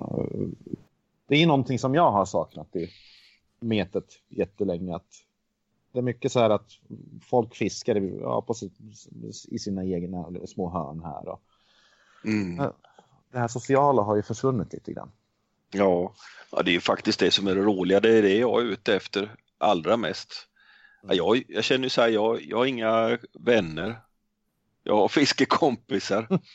Så det är de man vill umgås med och sen fånga lite fisk på vägen. Stora fiskar, det är ju kul också. Men eh, hela det här livet med fisket och som man tänker på dygnet runt och, och träffa snacka med fiskekompisar, det är ju det som är grejen. Ja, men de, alla de här människorna som Meta måste ju ha små olika messengergrupper lite här och där och de pratar och har sig. Och... Så att det är inte en synd att man inte kan träffas någonstans allihop. Att man kan bara ja, ta en öl, grilla lite, fiska lite och, och snacka lite. Ja, något som jag saknar riktigt mycket är de här metmässorna som var i Strömsnäs bruk och, och sånt. Och det som vi körde i Vimmerby hade vi den här eh, pop-up tackle-mässan som dansken körde. Det var ju riktigt kul. Då träffades man ju och fick snacka och ljuga med alla. Sen drog de ju någon sån här, den var ju inte jag med på, men det var ju väldigt tidigt den här speci, specivalen heter den. den Specivalen, det var PO mm. va? Ja, Rudolfsson-grabbarna och... Det var på 80-talet någon va? Mm. Ja, fenom, fenomenal. Ja, just det. En sån ja. grej hade varit riktigt skoj. Ja. ja. Man får väl reka lite helt enkelt ifall det finns något intresse om vilka som... Det kan ni dra igång i Swedish English tycker jag. ja, alltså de här som vi har hållit har vi ju, ja, liksom. Vi har ju tagit tio pers bara som vi har, ja, som, som vi känner i stort sett. Ja. Har kört, det är ingenting vi har gått, gått ut med offentligt eller så, utan det är bara för, ja, vi bokar en sjö. Ska vi bjuda in någon folk? Ja, men vi tar några som vi känner. Ja, vill han komma? Ja, visst. Men just ha någonting där man kan gå ut på sidan att skriva att men nu kör vi liksom. Hur många blir vi? Vad ska vi köra? Vad kan vi boka för någonting? Är vi 30, ja men då, då bokar vi någon gammal skola eller någonting. Va? Det hade varit riktigt kul faktiskt. Kör lite mat och så. Mm. Vi var ju, nu när vi var i Emån där och fiskade så pratade vi lite om det, jag och Palle ju. Mm. Det var ju, man skulle kört någon färnaträff eller någonting vi hittade. Det här var ett jäkla fint ställe som vi eh, sov över på. Det hade varit perfekt. Ja. Kört en, eh, en liten färnaträff på eh, en helg eller något sånt och bara grillat ihop och käkat och åkt runt och fiskat färna. Kört någon liten enkel intern tävling liksom. Mm. Det, det hade varit skitkul alltså. Verkligen. Jag tror, jag, ju mer jag tänker på det desto mer uh, sugen blir jag på att försöka göra någonting av det. Men ja, vi får se. Ja. Är det någon som vill, tycker att vi ska göra det så kan de ju höra av sig. Ja, jag bara kommentera. Ja, då, då, vet vi i alla fall om intresset finns eller inte. Ja, då kör vi som vanligt. Min, minsta fisk vinner. Alltid. ja. ja. Ja, sidospår. Men eh, vi, vi backar tillbaka till Casio då. Eh, om man vill komma dit och fiska, hur gör man då? Ja, man kan höra av sig till mig så är man i stort sett välkommen att komma och hälsa på. Alltså det, jag tycker det är kul när det kommer folk och det är bra för fisken men när det mäskas så det finns ju båtar där att låna och kontakta med på Messenger mm. eller slå en signal så, så löser vi det. Mm. Du, har ju rätt så bra koll på vad som finns. Om man bortser från antalet karpar, det kanske du inte vet exakt. Men mm. Eh, du, du, har ju ändå bra koll på, på en del av fiskarna. Ja, men det har jag. Det har jag faktiskt. Karparna har väl koll på de som är lite större och sådär. Mindre karpar de har jag inte dokumenterat så noga. Jag har ett stort arkiv med bilder och försökt att namnge fiskar och sådär så att jag, jag ska hålla koll på dem. Men, eh, och sen är det ju lite andra arter också. Det var ju någon brack som slank i där. När jag metade abborre en gång så hade jag med mig ett spann. Då var det någon brax i det där spannet och sen när jag skulle gippa ut betespannet så åkte den i sjön också.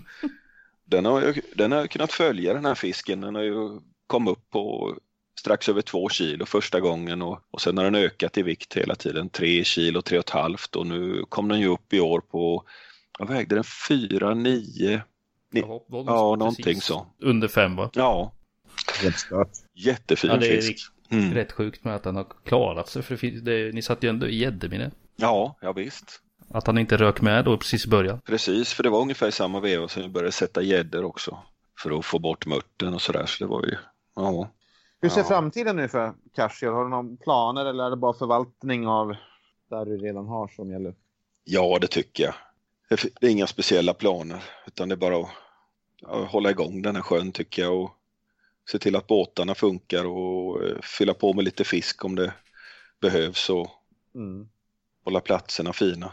Ja, nej, jag kan inte säga att jag saknar någonting där utan det är jävligt perfekt. Nej. Jag tror aldrig det, det, det är ingen sjö som någonsin kommer bli så här att det blir 20 kilos fiskar där i, det tror jag inte. Men eh, jag tycker det var aldrig målsättningen heller från början utan det vi pratade om det var att vi ska ha en sjö med bra fiske och, och, och det ska vara lätt att få fisk över 10 kilo och där, där fasen, där är vi nu faktiskt, känns det som. Ja, ja absolut. Mm. Kollar man på listan så, så är det ju väldigt mycket fisk där. Ja, Mellan 10 och 12. ja. Sen är det mycket fisk, jag har ju bara med på listan är det bara med de som är över 10, sen är det massor med fisk på 8 och 9 och 7 och sånt där. Men hur tänker du kring, eh, alltså sätter du ut ett visst antal varje år eller är det varannat eller hur, hur tänker du kring? Ja, men det är lite så var och varannat år ungefär. Fylla på lite för alltså det dör ju fisk i, i, i karpvatten, det gör det ju. Och eh, jag tror det är bra också för att få igång de individerna som simmar i sjön för att hålla igång intresset för att söka mat så tror jag det är bra att släppa i ny fisk också. Det tror jag är, är viktigt. Ja. ja, det där är ju en jävligt svår vetenskap, speciellt när man inte kan följa hur mycket karp som finns. Det är, det är som du säger att eh, vissa karpar som man trott har dött för länge sedan kommer upp helt plötsligt. Att, Mm. funderar man ju på att hur, hur stort är den där mörkerantalet? Är det Ja. fem karpar eller är det hundra? Alltså, ja, det- man kan ju inte svara på en sån fråga. Nej, ja, det där grubblar jag ofta över. Alltså det, hur mycket fisk finns det egentligen? Det, det är ju som du säger många som, är, som inte kommer upp ofta alls. Och det, det är många individer som man funderar över. Det finns ju den där karpen Emil som vi alltid har pratat om som, som vägde 13 och 2 2013 kom den upp senast. Sen har den inte visat sig sen. Vart, var har den tagit vägen liksom? Det är ju det är ingen som har stulit fisken eller så, det kan jag inte tänka mig. Och inte hittat den död heller eller sådär. Och Nej, Ja. nej. Spännande det där. man kanske har ju bara hört har... stories om karpar som har varit på vift i tio år och grejer och helt plötsligt kommer upp. Och, Mm. Ja visst. det, det är inget. Jag kanske bara valt ett ställe där folk inte tänker fiska på. Ja. Håller sig. Men Ostviken är väl säkert ett sånt ställe. Det är ju, det är ju storvattenyta där du egentligen kan bara fiska ett litet hörn av det. Alltså, Ja. och sen är det ju inte världens alltså, sjöns populäraste ställe heller, utan de flesta väljer ju vindskyddet eller Robbansudde eller någon av de där lite mer populära platserna. Så att där kan säkert karparna gå väldigt ostörda. ja, det tror jag också. Verkligen alltså. Och Edbergsfiske Jag tyckte ja, det tyckte jag var jättekul att, att han eh, fick eh, den fisken där inne i Ostviken. För det var ju den platsen som ingen ville sitta på. Mm. Det är ju verkligen så i Karsöl, så här, det finns Folk frågar ofta så här, ja, vilken är bästa platsen, där vill jag sitta. Så här, är det, alla platser är bra, det finns ingen bästa plats. Jo, det finns en bästa plats för den dagen som man är där, men den platsen kanske inte är bra nästa vecka. De snurrar runt i sjön och ja, Ja, alltså vissa snurrar och andra snurrar inte så mycket utan de håller sig stationära. Så är det väl med är väl som människor i allmänhet. Det var ju som vi snackade av i lägerelder, att eh, fan vet vem som, hur de liksom lever sina liv. Att vissa kan ju vara jätteaktiva även fast de fångar så kan de ta igen och vara uppe fyra, fem gånger per säsong och andra kommer nästan aldrig upp och vissa kanske aldrig kommer upp helt enkelt. Nej, nej, det är säkert så. Och jag tror också Karsel som, som är en sån sjö där det är mycket bloodworms och de äter, det är ju mums-mums för dem och det, jag tror verkligen att eh, vissa fiskare är helt insnöade på att käka bloodworms. Det Ja. tror jag. Det är nog inte omöjligt heller. Ja, de, de är nöjda med den födan liksom. Ja. De har hittat sin grej. Ja, De är inte intresserade av något annat. Det spelar ingen roll vad du fläker i. Det är skitsamma. Det ska ätas bloodworms. That's it. ja, jag tror det är så faktiskt. Nej, är det ett gäng karpar som inte vill äta boilies så då, då förblir de ju nästan ofångade för det är inte så mycket annat man fiskar med än boilies. Nej, nej. Och det är inte bara den här fisken Emil som inte kommer upp utan jag har ju ett helt eh, arkiv med fiskar på kanske jag skulle kunna sitta och räkna upp 20-30 fiskar som jag inte har sett till på bra många år alltså. Något Ja, är, men samt, samtidigt är det lite häftigt. Alltså det hade varit ganska tråkigt med och samma. Alltså fiskarna hade kommit upp om och om igen hela tiden varje år. Ja, det hade varit trist faktiskt. Det blir ju lite mer mystik över det om man ska säga. Som det blir lite så här. Ja, ja, undrar vad som har hänt med den. Och sen när den dyker upp så Ja, kanske väger 13 kilo fortfarande fast det har gått fem år. Ja, Vad har den gjort under de åren liksom? ja precis. Ätit dåligt. Ja, Jo, och sen också det här när man planterar i mindre fisk, säg på två kilo eller någonting. Och just följa det här att hur de, hur de växer. Alltså följa en gammal fisk. Den kanske hittar sitt, att ja, men den, den håller sig vid 13 kilo. mm. Fångar du den på våren så kanske den väger 14 kilo eller 12 kilo. Alltså, men det är den intervallen den, den rör sig. Men en ung fisk kan ju växa från 2 kilo till, ja vad fan det var, var det Bertilsson som fick den på 7? Eller Mm. på ett, på ett Ja, det år. var som en jävla boll ju. Ja, på två, då tänker man två att, år. ja, Ja. och då tänker man att hur fortsätter den där kurvan? Alltså vart, vart kommer, ja, vart börjar det ebba ut så att säga?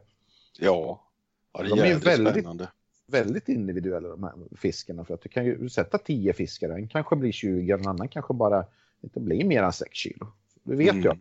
Nej, det känns som att de nya fiskar man har satt nu, det har varit lite bättre kvalitet på dem också. De, de växer mycket bättre än vad de äldre fiskarna gjorde när de var små i sjön.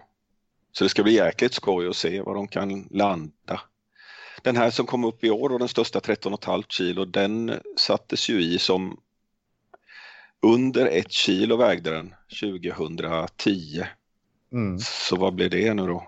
Eh, Det är drygt ett kilo 20, per år. ja, nio år. Ja, det är bra.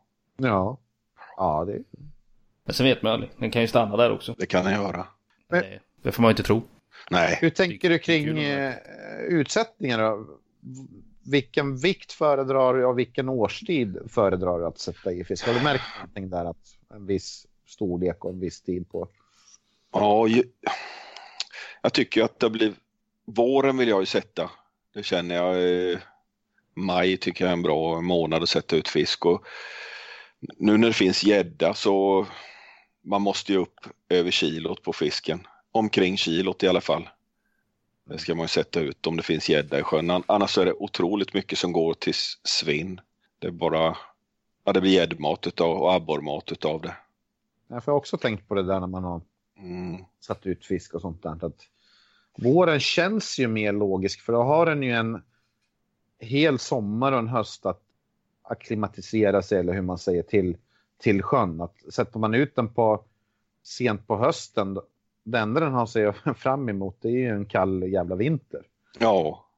ja, det tycker inte jag känns bra alltså. Det, och jag, vet Nej. några, jag vet några fall där det, de har blivit sett hemska ut på våren sen, de här fiskarna som har satts ut på hösten. Så eh, ja, våren tycker jag är att föredra. Det är då jag vill sätta fisk i alla fall.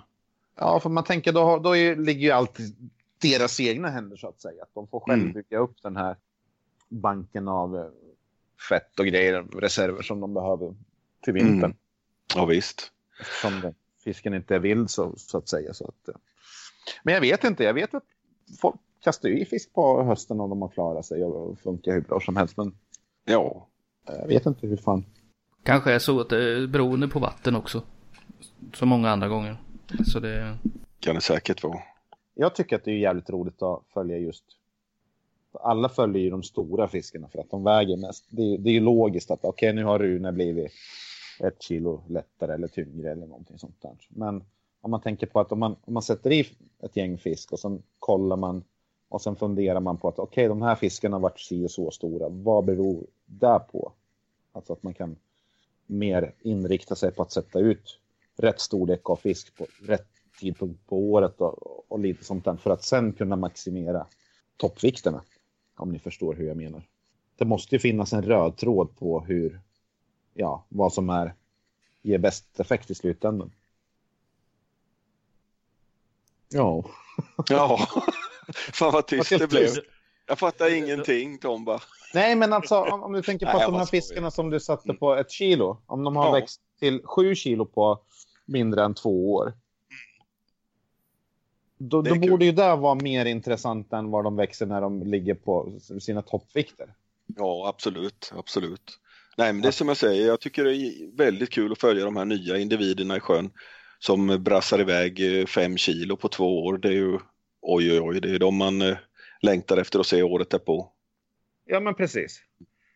Och just det här att om man, om man kan optimera den här, att man, man känner att just i den här sjön, då är den här storleken, den här tiden på året för att då får du väldigt, väldigt mycket gratis Mm. i slutändan. Sen. Ja, absolut. Det är väl där de sätter sina ja, gener eller vad fan man ska nu säga. Alltså sitt beteende och allt sånt där. Att hittar man en bra tid att sätta ut fisk och, och då ser man att vad fan, nu har de växt fem kilo på ett år eller ett och ett halvt år. Då måste ju det funka. Mm. I Karsel, det känns ju lite också som om eh, de senaste åren här, då är det lite mer optimalt för tillväxt på fisken än vad det var då när vi började 1999. När det kryllade med mört i som konkurrerade och vattnet var mörkt. Det har jag inte nämnt men det har blivit klarnat väldigt mycket i sjön har det gjort sen eh, vi fick ner mörtbeståndet. Så den var ju riktigt eh, humusfärgad tidigare men det är betydligt klarare vatten nu när mörtbeståndet har gått ner. Mm. Och det tror jag är viktigt. Det kommer ju ner lite solljus och grejer till bottnarna då. Så det blir lite näringsproduktion. Ja. Det är bra för de nya fiskarna som ska växa på sig. Ja. Sen har jag, Ja. sen har jag väl lekt lite gud också med musslor och snäckor och sånt där planterat i sjön också. Det är bra mat för fisken. Och eh, det tror jag de gynnas av också. Och sen är det mer, fler folk som kommer att hälsa på och fiska så det mäskas ju mycket mer nu än vad det gjorde i början då när, när vi satte de här första fiskarna 99. Då var det ju bara vi själva som satt där och metade och, och mäskade sparsamt. ja. Hur många vad heter det, nätter har du på ett år där, ungefär? Ja, vad kan det vara? 30-40 kanske. Ja, du personligen. Ja. Men jag tänkte på hur, hur mycket folk som, eh, alltså om du tar alla. Ja, ja men om man slår ut det på ett år, på en eh, säsong från eh, första maj till mitten på oktober så sitter det nog i snitt en gubbe i sjön varje dag. Mm. Det brukar vara två, tre, fyra man som kommer och hälsar på på helgerna och sen så i veckorna någon enstaka också. Ja, ibland är det ingen som fiskar i sjön. Jag tycker inte det är så jättehögt fisketryck ändå, är det inte. Ja, jag tänkte mest på mäskning och mat. Mm. tillgång och sånt där. Kan man, kan man dra en röd tråd där att ju fler folk som fiskar så att uh, fiskarna får mer mat eller har du märkt att det blir tvärtom att fiskarna blir skyggare om det är mycket folk? Eller?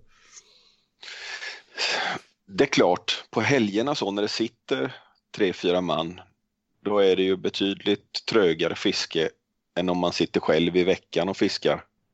Det kan jag ju säga, men Vilket egentligen är lite konstigt för att sjön är stor. Så man tänker att om Ja. någon sitter i Ostviken och någon annan sitter längst ut i sunket eller någonting att...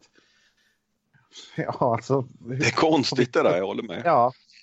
Och sen Mm. jag, tänkte, jag tänkte på tävlingen, vi var ju sju lag. Mm.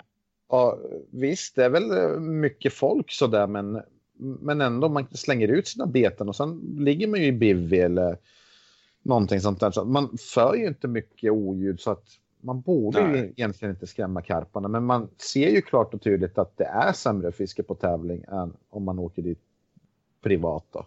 Ja, det är ju det. Och vi, vi, vi åkte ju inte båt heller, utan vi gick ju runt sjön när vi skulle träffas och sådär. Så det Ja. störde ju inte på det viset heller. Ja. Nej, vi, vi försökte verkligen hålla ner rörelsen kring vattnet så att platserna skulle få vara i hyfsat i fred. Ja. Men det... Men visst, mäskas det från alla håll och det är mycket dofter som sprider sig i vattnet och ja, det kanske snurrar till det lite för dem. Kan- ja, och sen alla har en, en eld där som blinkar och har sig. Det blir väl lite ljus och sånt där på, på Ja. Diskolampor och grejer. Ja. Finsk tango. Det var ju de, ja, finsk tango och diskolampor, det förstörde ju hela tävlingen. Och där, där fick de in på botten istället. Ja, Vad precis. fan. Ni var ju granne med oss. Det var ju bara ni som fick fisk i stort sett. Skrämde de dit. precis. Nej, fan, jag, tror att de lockas på det där med diskolampa och finsk tango. Då, fan, det, då vet man ju själv om man hör finsk tango och sen diskolampa. Då är man ju där direkt. Absolut. Får se nu, vi har ett sista post här. Tankar om framtiden och eh, dina bästa fiskar har vi ju lite, lite grann. Men då, tankar om Mm. framtiden, då tänker jag väl mer på ett personligt plan, har du någon... Vad finns det kvar att uppleva? Som du inte upplevt än? Mm, mm. Ja, det vet inte fasiken. Men jag vill fiska mera utomlands vill jag göra. Jag tycker det är väldigt roligt att åka iväg på de här karpresorna. Det blir lite socialt också när vi sticker iväg ett gäng. Som nu var vi i Bosnien och, och fiskade här i för ett par veckor sedan. Eh, tio man, det var riktigt kul. Mm. Så det, lite sådana resor vill jag fortsätta med. Skulle vilja få som ett litet personligt mål att, att fånga karp över ki- 20 kilo då i 10 olika vatten. Det har varit riktigt skoj. Gått lite trögt, jag är uppe i fem, eh, eller fem, jag säger 10 olika vatten, 10 olika länder. Karp över 20 kilo. Vilka länder har du nu då? Bosnien, Sverige? Nej, Bosnien har jag inte tagit och inte Sverige heller, men jag, Bulgarien och lite så här udda länder. Bulgarien, eh, Polen eh, och sen är det Slovenien, eh, Kroatien, Österrike också. Österrike? Ja, faktiskt. fan hamnar man i Österrike? Ja, jag hittade ett vatten på nätet och så åkte vi dit. Fick tre över 20 kilo där. Ja, det var riktigt Det fint var det. Sjukt enkelt. Hittat vatten, åkte dit. Check. Ja, precis. ja. Nej, så nu, ja. Jag har ju lite länder som jag tycker borde vara lätta att få i. Frankrike har jag inte fått någon 20 i ännu. och Bosnien, men där åker vi, dit sticker vi i maj. Försöka få där. Mm. Sen börjar det bli svårt. Har du något i Finland Tomba? Jag har ingenting i Finland, men någon har säkert någonting i Finland. Jag går och luska ut. Ja. Sätt lite filber på stora fiskar där. Då. Ja, Den, den är inte lika lätt som att eh, titta på nätet och åka dit. nej precis. Nej, men mutar man med lite öl och korv så då kan nog dörrarna öppnas. Mm. Det är inte så svårflörtade. Ta med lite Eh, svensk, svensk senap. ja, då, då kommer du inte in i landet. Kommer jag inte in i landet ens. Får du vända, vända vid Finlandsfärjan. Ja, precis. Eh, England då? Har du varit där någonting? Nej, det har inte varit. Det hade varit roligt att åka dit och fiska barb. Det skulle jag verkligen vilja göra. Mm, vi Jag får med. fundera lite på köra den här stora metermässan som de har.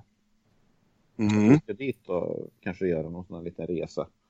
Eh, det vore ju jävligt häftigt. Men jag vet inte riktigt vilken, jag kommer inte ihåg vilken tid. Det är väl på vinterhalvåret någon gång har jag för mig att den är. Ja, jag tror den är då. Ja. De brukar väl ha sina mässor då. eh, Har Ja. de en jäkla massa samtidigt jag på att säga. Men, Jo, men min, minns helt fel. Mm. det har vi snackat med här kompisarna att eh, det vore otroligt kul att dra dit Verkligen. på mässan först och sen eh, eventuellt just köra lite barb eller nå- något sånt där konstigt. Ja, säg till så hänger jag med gärna. Ja, nej, men vad fan skulle man ju kunna höra. Det är ju bara att är man tio pers så bokar man in allting så blir det ju som en gruppresa. Det är det är inte så svårt då. Ja. Ska vi springa över på nästa punkt? Ja. Ja, vilka Mm. fiskar är du mest nöjd med? Alltså finns det någon fisk som du tycker är en eh, frukten av någon lång satsning eller någonting som... Eh, ett riktigt kul fiske som jag varit med om, ja det är nog det största fiskeupplevelsen jag varit med om överhuvudtaget. Det var när Johan Hedman och jag vi hittade en eh, karpsjö här i närheten av Oskarshamn. En eh, stor sjö. Och vi hade hört utav av bland annat eh, Johans morfar att det skulle kunna finnas karp där. Man hade sett karpar eh, längs med stränderna och i vikar. Och eh, historien var så att det var en eh, tysk kvinna som bodde på en herrgård i närheten. Hon skulle ha släppt i fisk på 30-talet för hon ville ha såna här julkarpar och, och käka. Och, eh, ja, vi trodde på den här historien, det, det lät eh, sannolikt. Pratade med en eh, utav markägarna som hade lagt nät i sjön på eh, 80-talet och fått en karp på 8 kilo i nätet och tappat ur någon som var ännu större. Så vi drog en mäskning där under sommaren och eh, ja, vi, vi höll nog på ett par veckor och mäskade. Och sen satt vi oss en natt och fiskade. Eh, den här sjön är jättedjup är den. Det, det finns några få grundområden och så här.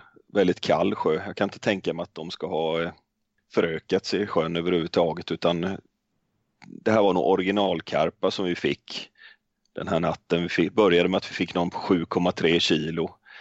Eh, Vi fick någon 7,9 och sen fick vi 11 och 3 och två stycken på 11,5 kilo. Eh, Vi satt där under ett par helger och hade det här drömfisket då. Och eh, omkring 2000 var det vi, vi fiskade i sjön. Eh, Så det var fiskar som var 70 år gamla. Mm. Det var jäkligt kul att, att hitta den här sjön och lyckas med den satsningen som vi gjorde. Så det är nog den största fiskeupplevelsen jag har varit med om. Fast han var häftigt. Ja, Vrålhäftigt. Gamla fjällkarpar. Påminner mig lite om den här eh, satsningen. Vilka var det nu? var Leif och Leif Andersson och Ja, vad heter han från fina biten nu? Uganda var det väl? Uganda uppe i Dalsland va? Mm. Ja. ja. Precis samma eh, historia i stort sett. Jäkligt kul var det. Ja, jag trodde att du skulle ha sagt eh, laken faktiskt. Ja, laken var en kul grej. Och det höll vi på och fiskade under många år i skärgården här och, och hittade olika nya ställen och sånt där. Och det fick jag ju en fin på 6 kilo och 450 gram. Det var en Ja. bra fisk. Det är den vi ska slå nu i december när vi åker. Den ska vi slå i Klarälven. mm. kommer att bli en stark resa. Ja. Ja, Färnan där från Emån var ju riktigt kul också eh, som jag fick. 3360. Det var en riktig drömfisk. Ja, den är riktigt fin. Ja. Och den fisken, det var ju den som kom upp sen som svenskt rekord. Eh, något år efter. Ronny Johansson upp den fisken. Mm. Ja. Ja. Vad vägde han då? Kommer du ihåg det? Nej, jag kommer inte ihåg det riktigt. Tre, tre, fem eller något sånt där. Tre. Jag Så var det lite finns. inne på Tjeckien och åkte dit och körde lite Färna för de har ju jävligt fina Färnavatten. Ja. I Tjeckien alltså. Det har jag inte hört Ja. talas om faktiskt. Jag vet att de har goda öl och sådär men. Även det är ju, Det- vad fan heter den där pölen som rinner där? I Prag. Uh, ja, det är någon jävla å som rinner där i alla fall. Ja. Nu får Ja, vi ju skäms när vi inte vet det. Nej, jag, jag bor ju inte där så att jag vet inte. Men, men skitsamma, där, när man stod på broarna och slängde ut någon, vad som helst så kom det ju färnor hela tiden och, och plockade upp stora fina fiskar. Och sen eh, känner jag till en, en kille, så lång historia. Det, det kom in ett gäng eh, tjecker på en kräftskiva eh, hem till oss en gång som vi inte kände. Mm. De var skickade från Östersund och hit då. De bara, ah, men kan de mellanlanda hos er? Ja, fast vi har ju kräftskiva. Ja, det är skitsamma. Så de kom in hit då. Fick uppleva en svensk-finsk kräftskiva. Eh, tre av dem var, de var fyra stycken. Tre var skitglada. Och en var skitsur. Och då frågade vi att "Var- varför är han så jävla sur? Då? Nej, det var han som var tvungen att köra. Men en av dem så har jag hållit lite kontakt med. Så han fiskar ju. För de var ju uppe i Östersund för att fiska gädda. Mhm. Då skickade de bild på en, en färna till när vi var, han skickade någonting på Messenger. Har du fiskat någonting? Ja, jag fiskar färna. Sen, Jaha, men sådana där har vi massor eh, runt omkring i Tjeckien. Hur stora som helst typ. Han bara, kom hit så ordnar vi så får du fiska hur mycket du vill. Coolt. Då tänkte jag att det, det kunde ju vara någonting att åka till Tjeckien och fiska färna. Ja. Bara för att göra, göra en grej av det. Ja, det är väl inte riktigt alla som gör det heller, det kan jag tänka mig. Nej, för karp metar de ju jättemycket där i den här ån. Ja. Ja. Det såg vi när vi satt där på någon perrong och drack öl så var det gamla gubbar som drog en massa karp där. Så att... Men fan, Ja, det, har, fan det har man ju hört om, men ja. Men vad fan heter den där jävla ån? Karlsbron är det som går där. Mm. Ah, skitsamma. någonting. Ja. Någonting annat här då? Har vi glömt något? Kan väl ta det här sunen kring eh, Meta idag då? Vad tycker du? Har vi någon framtid och tycker du att utvecklingen gått åt rätt håll eller? Ja, fasen jag tycker det borde ju vara lite mer tillväxt. eh, Det borde vara lite yngre som börjar fiska, men de eh, verkar ju landa i det där tävlingsfisket efter gädda och teknikgrejerna. Jag vet inte Mm. fasen. Det hade varit roligt och, om det kom lite unga specimenfiskare. Mycket gamla gubbar i vassen tycker jag. Ja, medelåldern är ju rätt hög. Mm. Jag vet inte riktigt. Det finns ju in- intresse när man är på mässorna och sånt där. Så har vi snackat med Krille där har vi stått att det kommer ju en del yngre människor. Men Ja, Oh ja. Visst är det så. Men det är väl eh, kanske snarare någonting de ser som eh, någon, någon form av utfyllnad under tiden du inte riktar ditt fiske efter gädda, abborre kanske. ja, det är väl lite så. Kör lite, lite meter på sommaren efter sutare eller någon karpass eller lite så. Men sen är det liksom predatorfisket är, det är starkt. Mm. Så är det. jo, fast så var det väl lite för en själv också. Man var väl en, en man fiskar ju efter regnbåge och gädda och sånt där. Och sen fyllde man ut med lite meta. Sen fastnar man för metet och sen nu är det ju precis tvärtom då. Eller jag fiskar inte ens gädda överhuvudtaget. Nej, inte jag heller. Flötestrålar lite grann i och för sig, men det är inte så Men det är mycket. Det är ju metet. Ja, det är meter det med. Man, man får ju meta gädda får man göra. Det är okej. Ja, det är okej. Knappt. Mm. Knappt. Ja. I, ismete, det, det är ju en annan grej. ja, det är okej Stort. också. Ja, men det har ändå blivit rätt stort, vilket är rätt spännande. Att det är ändå tillämpbart så, men att man eh, flötestrollar eller eh, metagädda, det, det är inte riktigt lika godkänt. Nej, nej det är sant. Ja, det där ismetet det fanns ju inte riktigt från början i specimenfisket tycker inte jag. Det, det poppade upp sen. Typ på 90-talet med den här ismeteboken som kom och Jag tänkte ju säga det kommer någon sån här mo- modernt ismete eller något. Nej, nej vad hette den? ja, något sånt. Var det mo- ja, något sånt var det? Ja, ja, ja. Ja, den boken har inte jag. Jag är helt, helt lost faktiskt. Men i Finland så är ju ismete jävligt stort.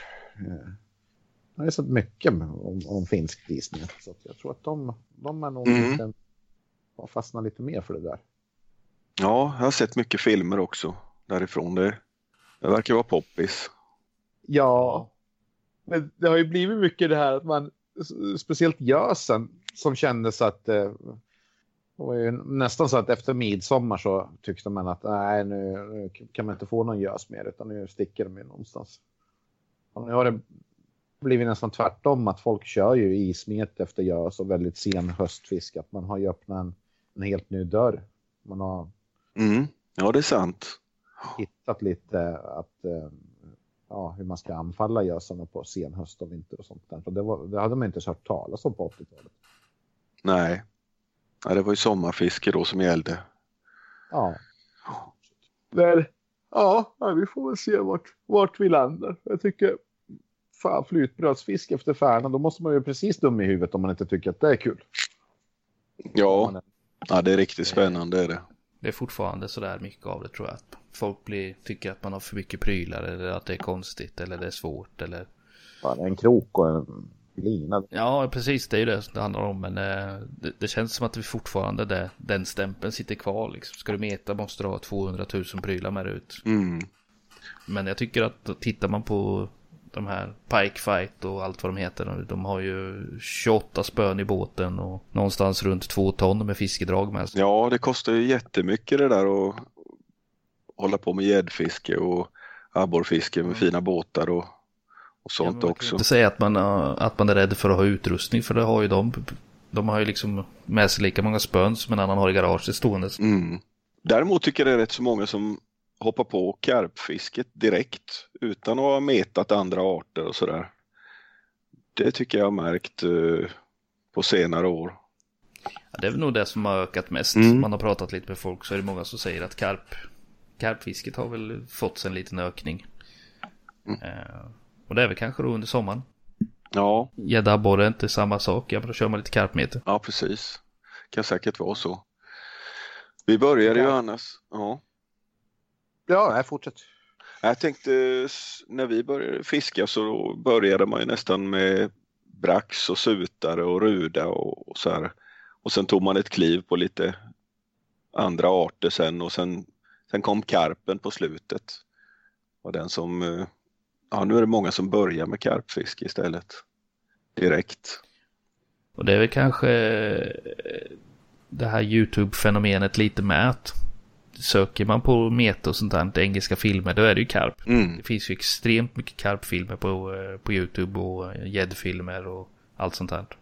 Det är svårt att hitta en vettig film om eh, rudameter. Ja, det är skitsvårt det är det. Ja. Väldigt lätt att lära sig att fiska karp också nu tack vare Youtube. Ja, Finns ju, det. ja, hur man knyter riggar och, och hela köret. Ja. Man kan gå och köpa en utrustning om man har pengarna så är det bara att beställa så har du färdigt kit och sen är det bara att ge sig ut. Mm. Karpfisket håller ju på... Antingen så metar du eller så när du karpmetare. Det, det, det, det är nästan två olika genrer. Alltså, I början så var ju karpmetet en del av specimenmetet, men så är det ju inte riktigt idag. Det finns väldigt många som är så renodlade karpmetare, men det är väldigt få som är renodlade björknametare eller mörtmetare eller någonting sånt där. Utan Nej, det är sant. hamnar lite vid ett annat fack. Det är sam... sista utposten innan man hamnar i gäddfisketräsket. Det är karpmetet. Usch, vilken framtid man har då. En döende art. Ja, Ja, nej, men, Nej då. men den har ju den här spänningen med, med stor fisk som jag kan tänka mig att eh, gäddfiskare som lockas av att det är liksom stora, kraftfulla, starka fiskar, en, en, fight och sådär. Men sen har du ju lite den här meta-aspekten med att det är ju fortfarande, metarna får ju någonting utav det också, just det med hur man tänker, man lägger sina boilies som äskning. Så att, så att båda, det är som en sån här mellanting där, att båda har ju någonting gemensamt med, med karpen, både, både predatorfiskarna och metarna. Så att det är väl egentligen logiskt att det ligger där ja. Det är Ja, svårt att, så är det. Så. svårt att tänka mig att svartsonke skulle intressera sig av farenmet eller någonting sånt där. Ja, den kan bli svårsåld. Jo, men det är ju mer analt sådär att när du, när du är så inne i meteträsket, det, är- det är då de här idéerna kommer att man ska meta faren i november och du vet, man blir ju helt... Ja, ja. ja. Men det är ganska kul när man tar med folk som inte har metat. Och de får prova på till exempel färnamete.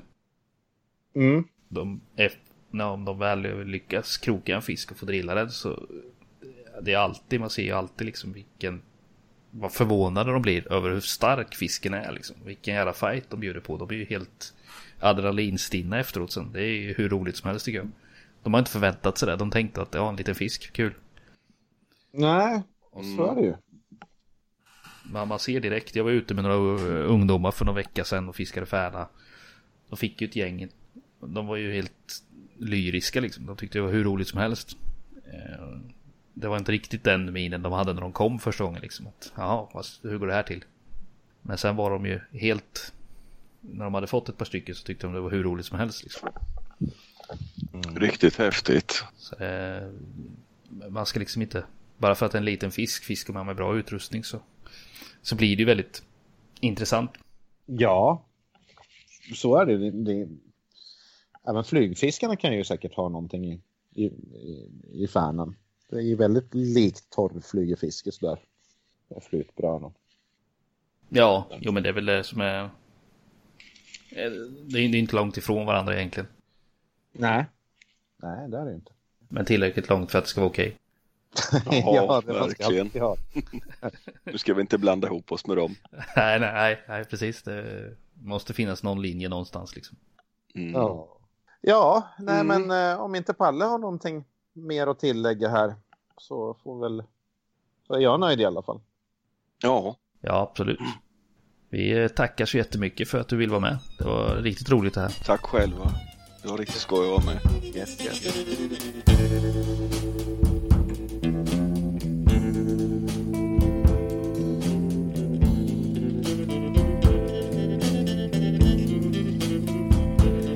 I've had enough of your bullshit to last me a lifetime. So get out of here. I don't want to see you around here anymore. You better get out.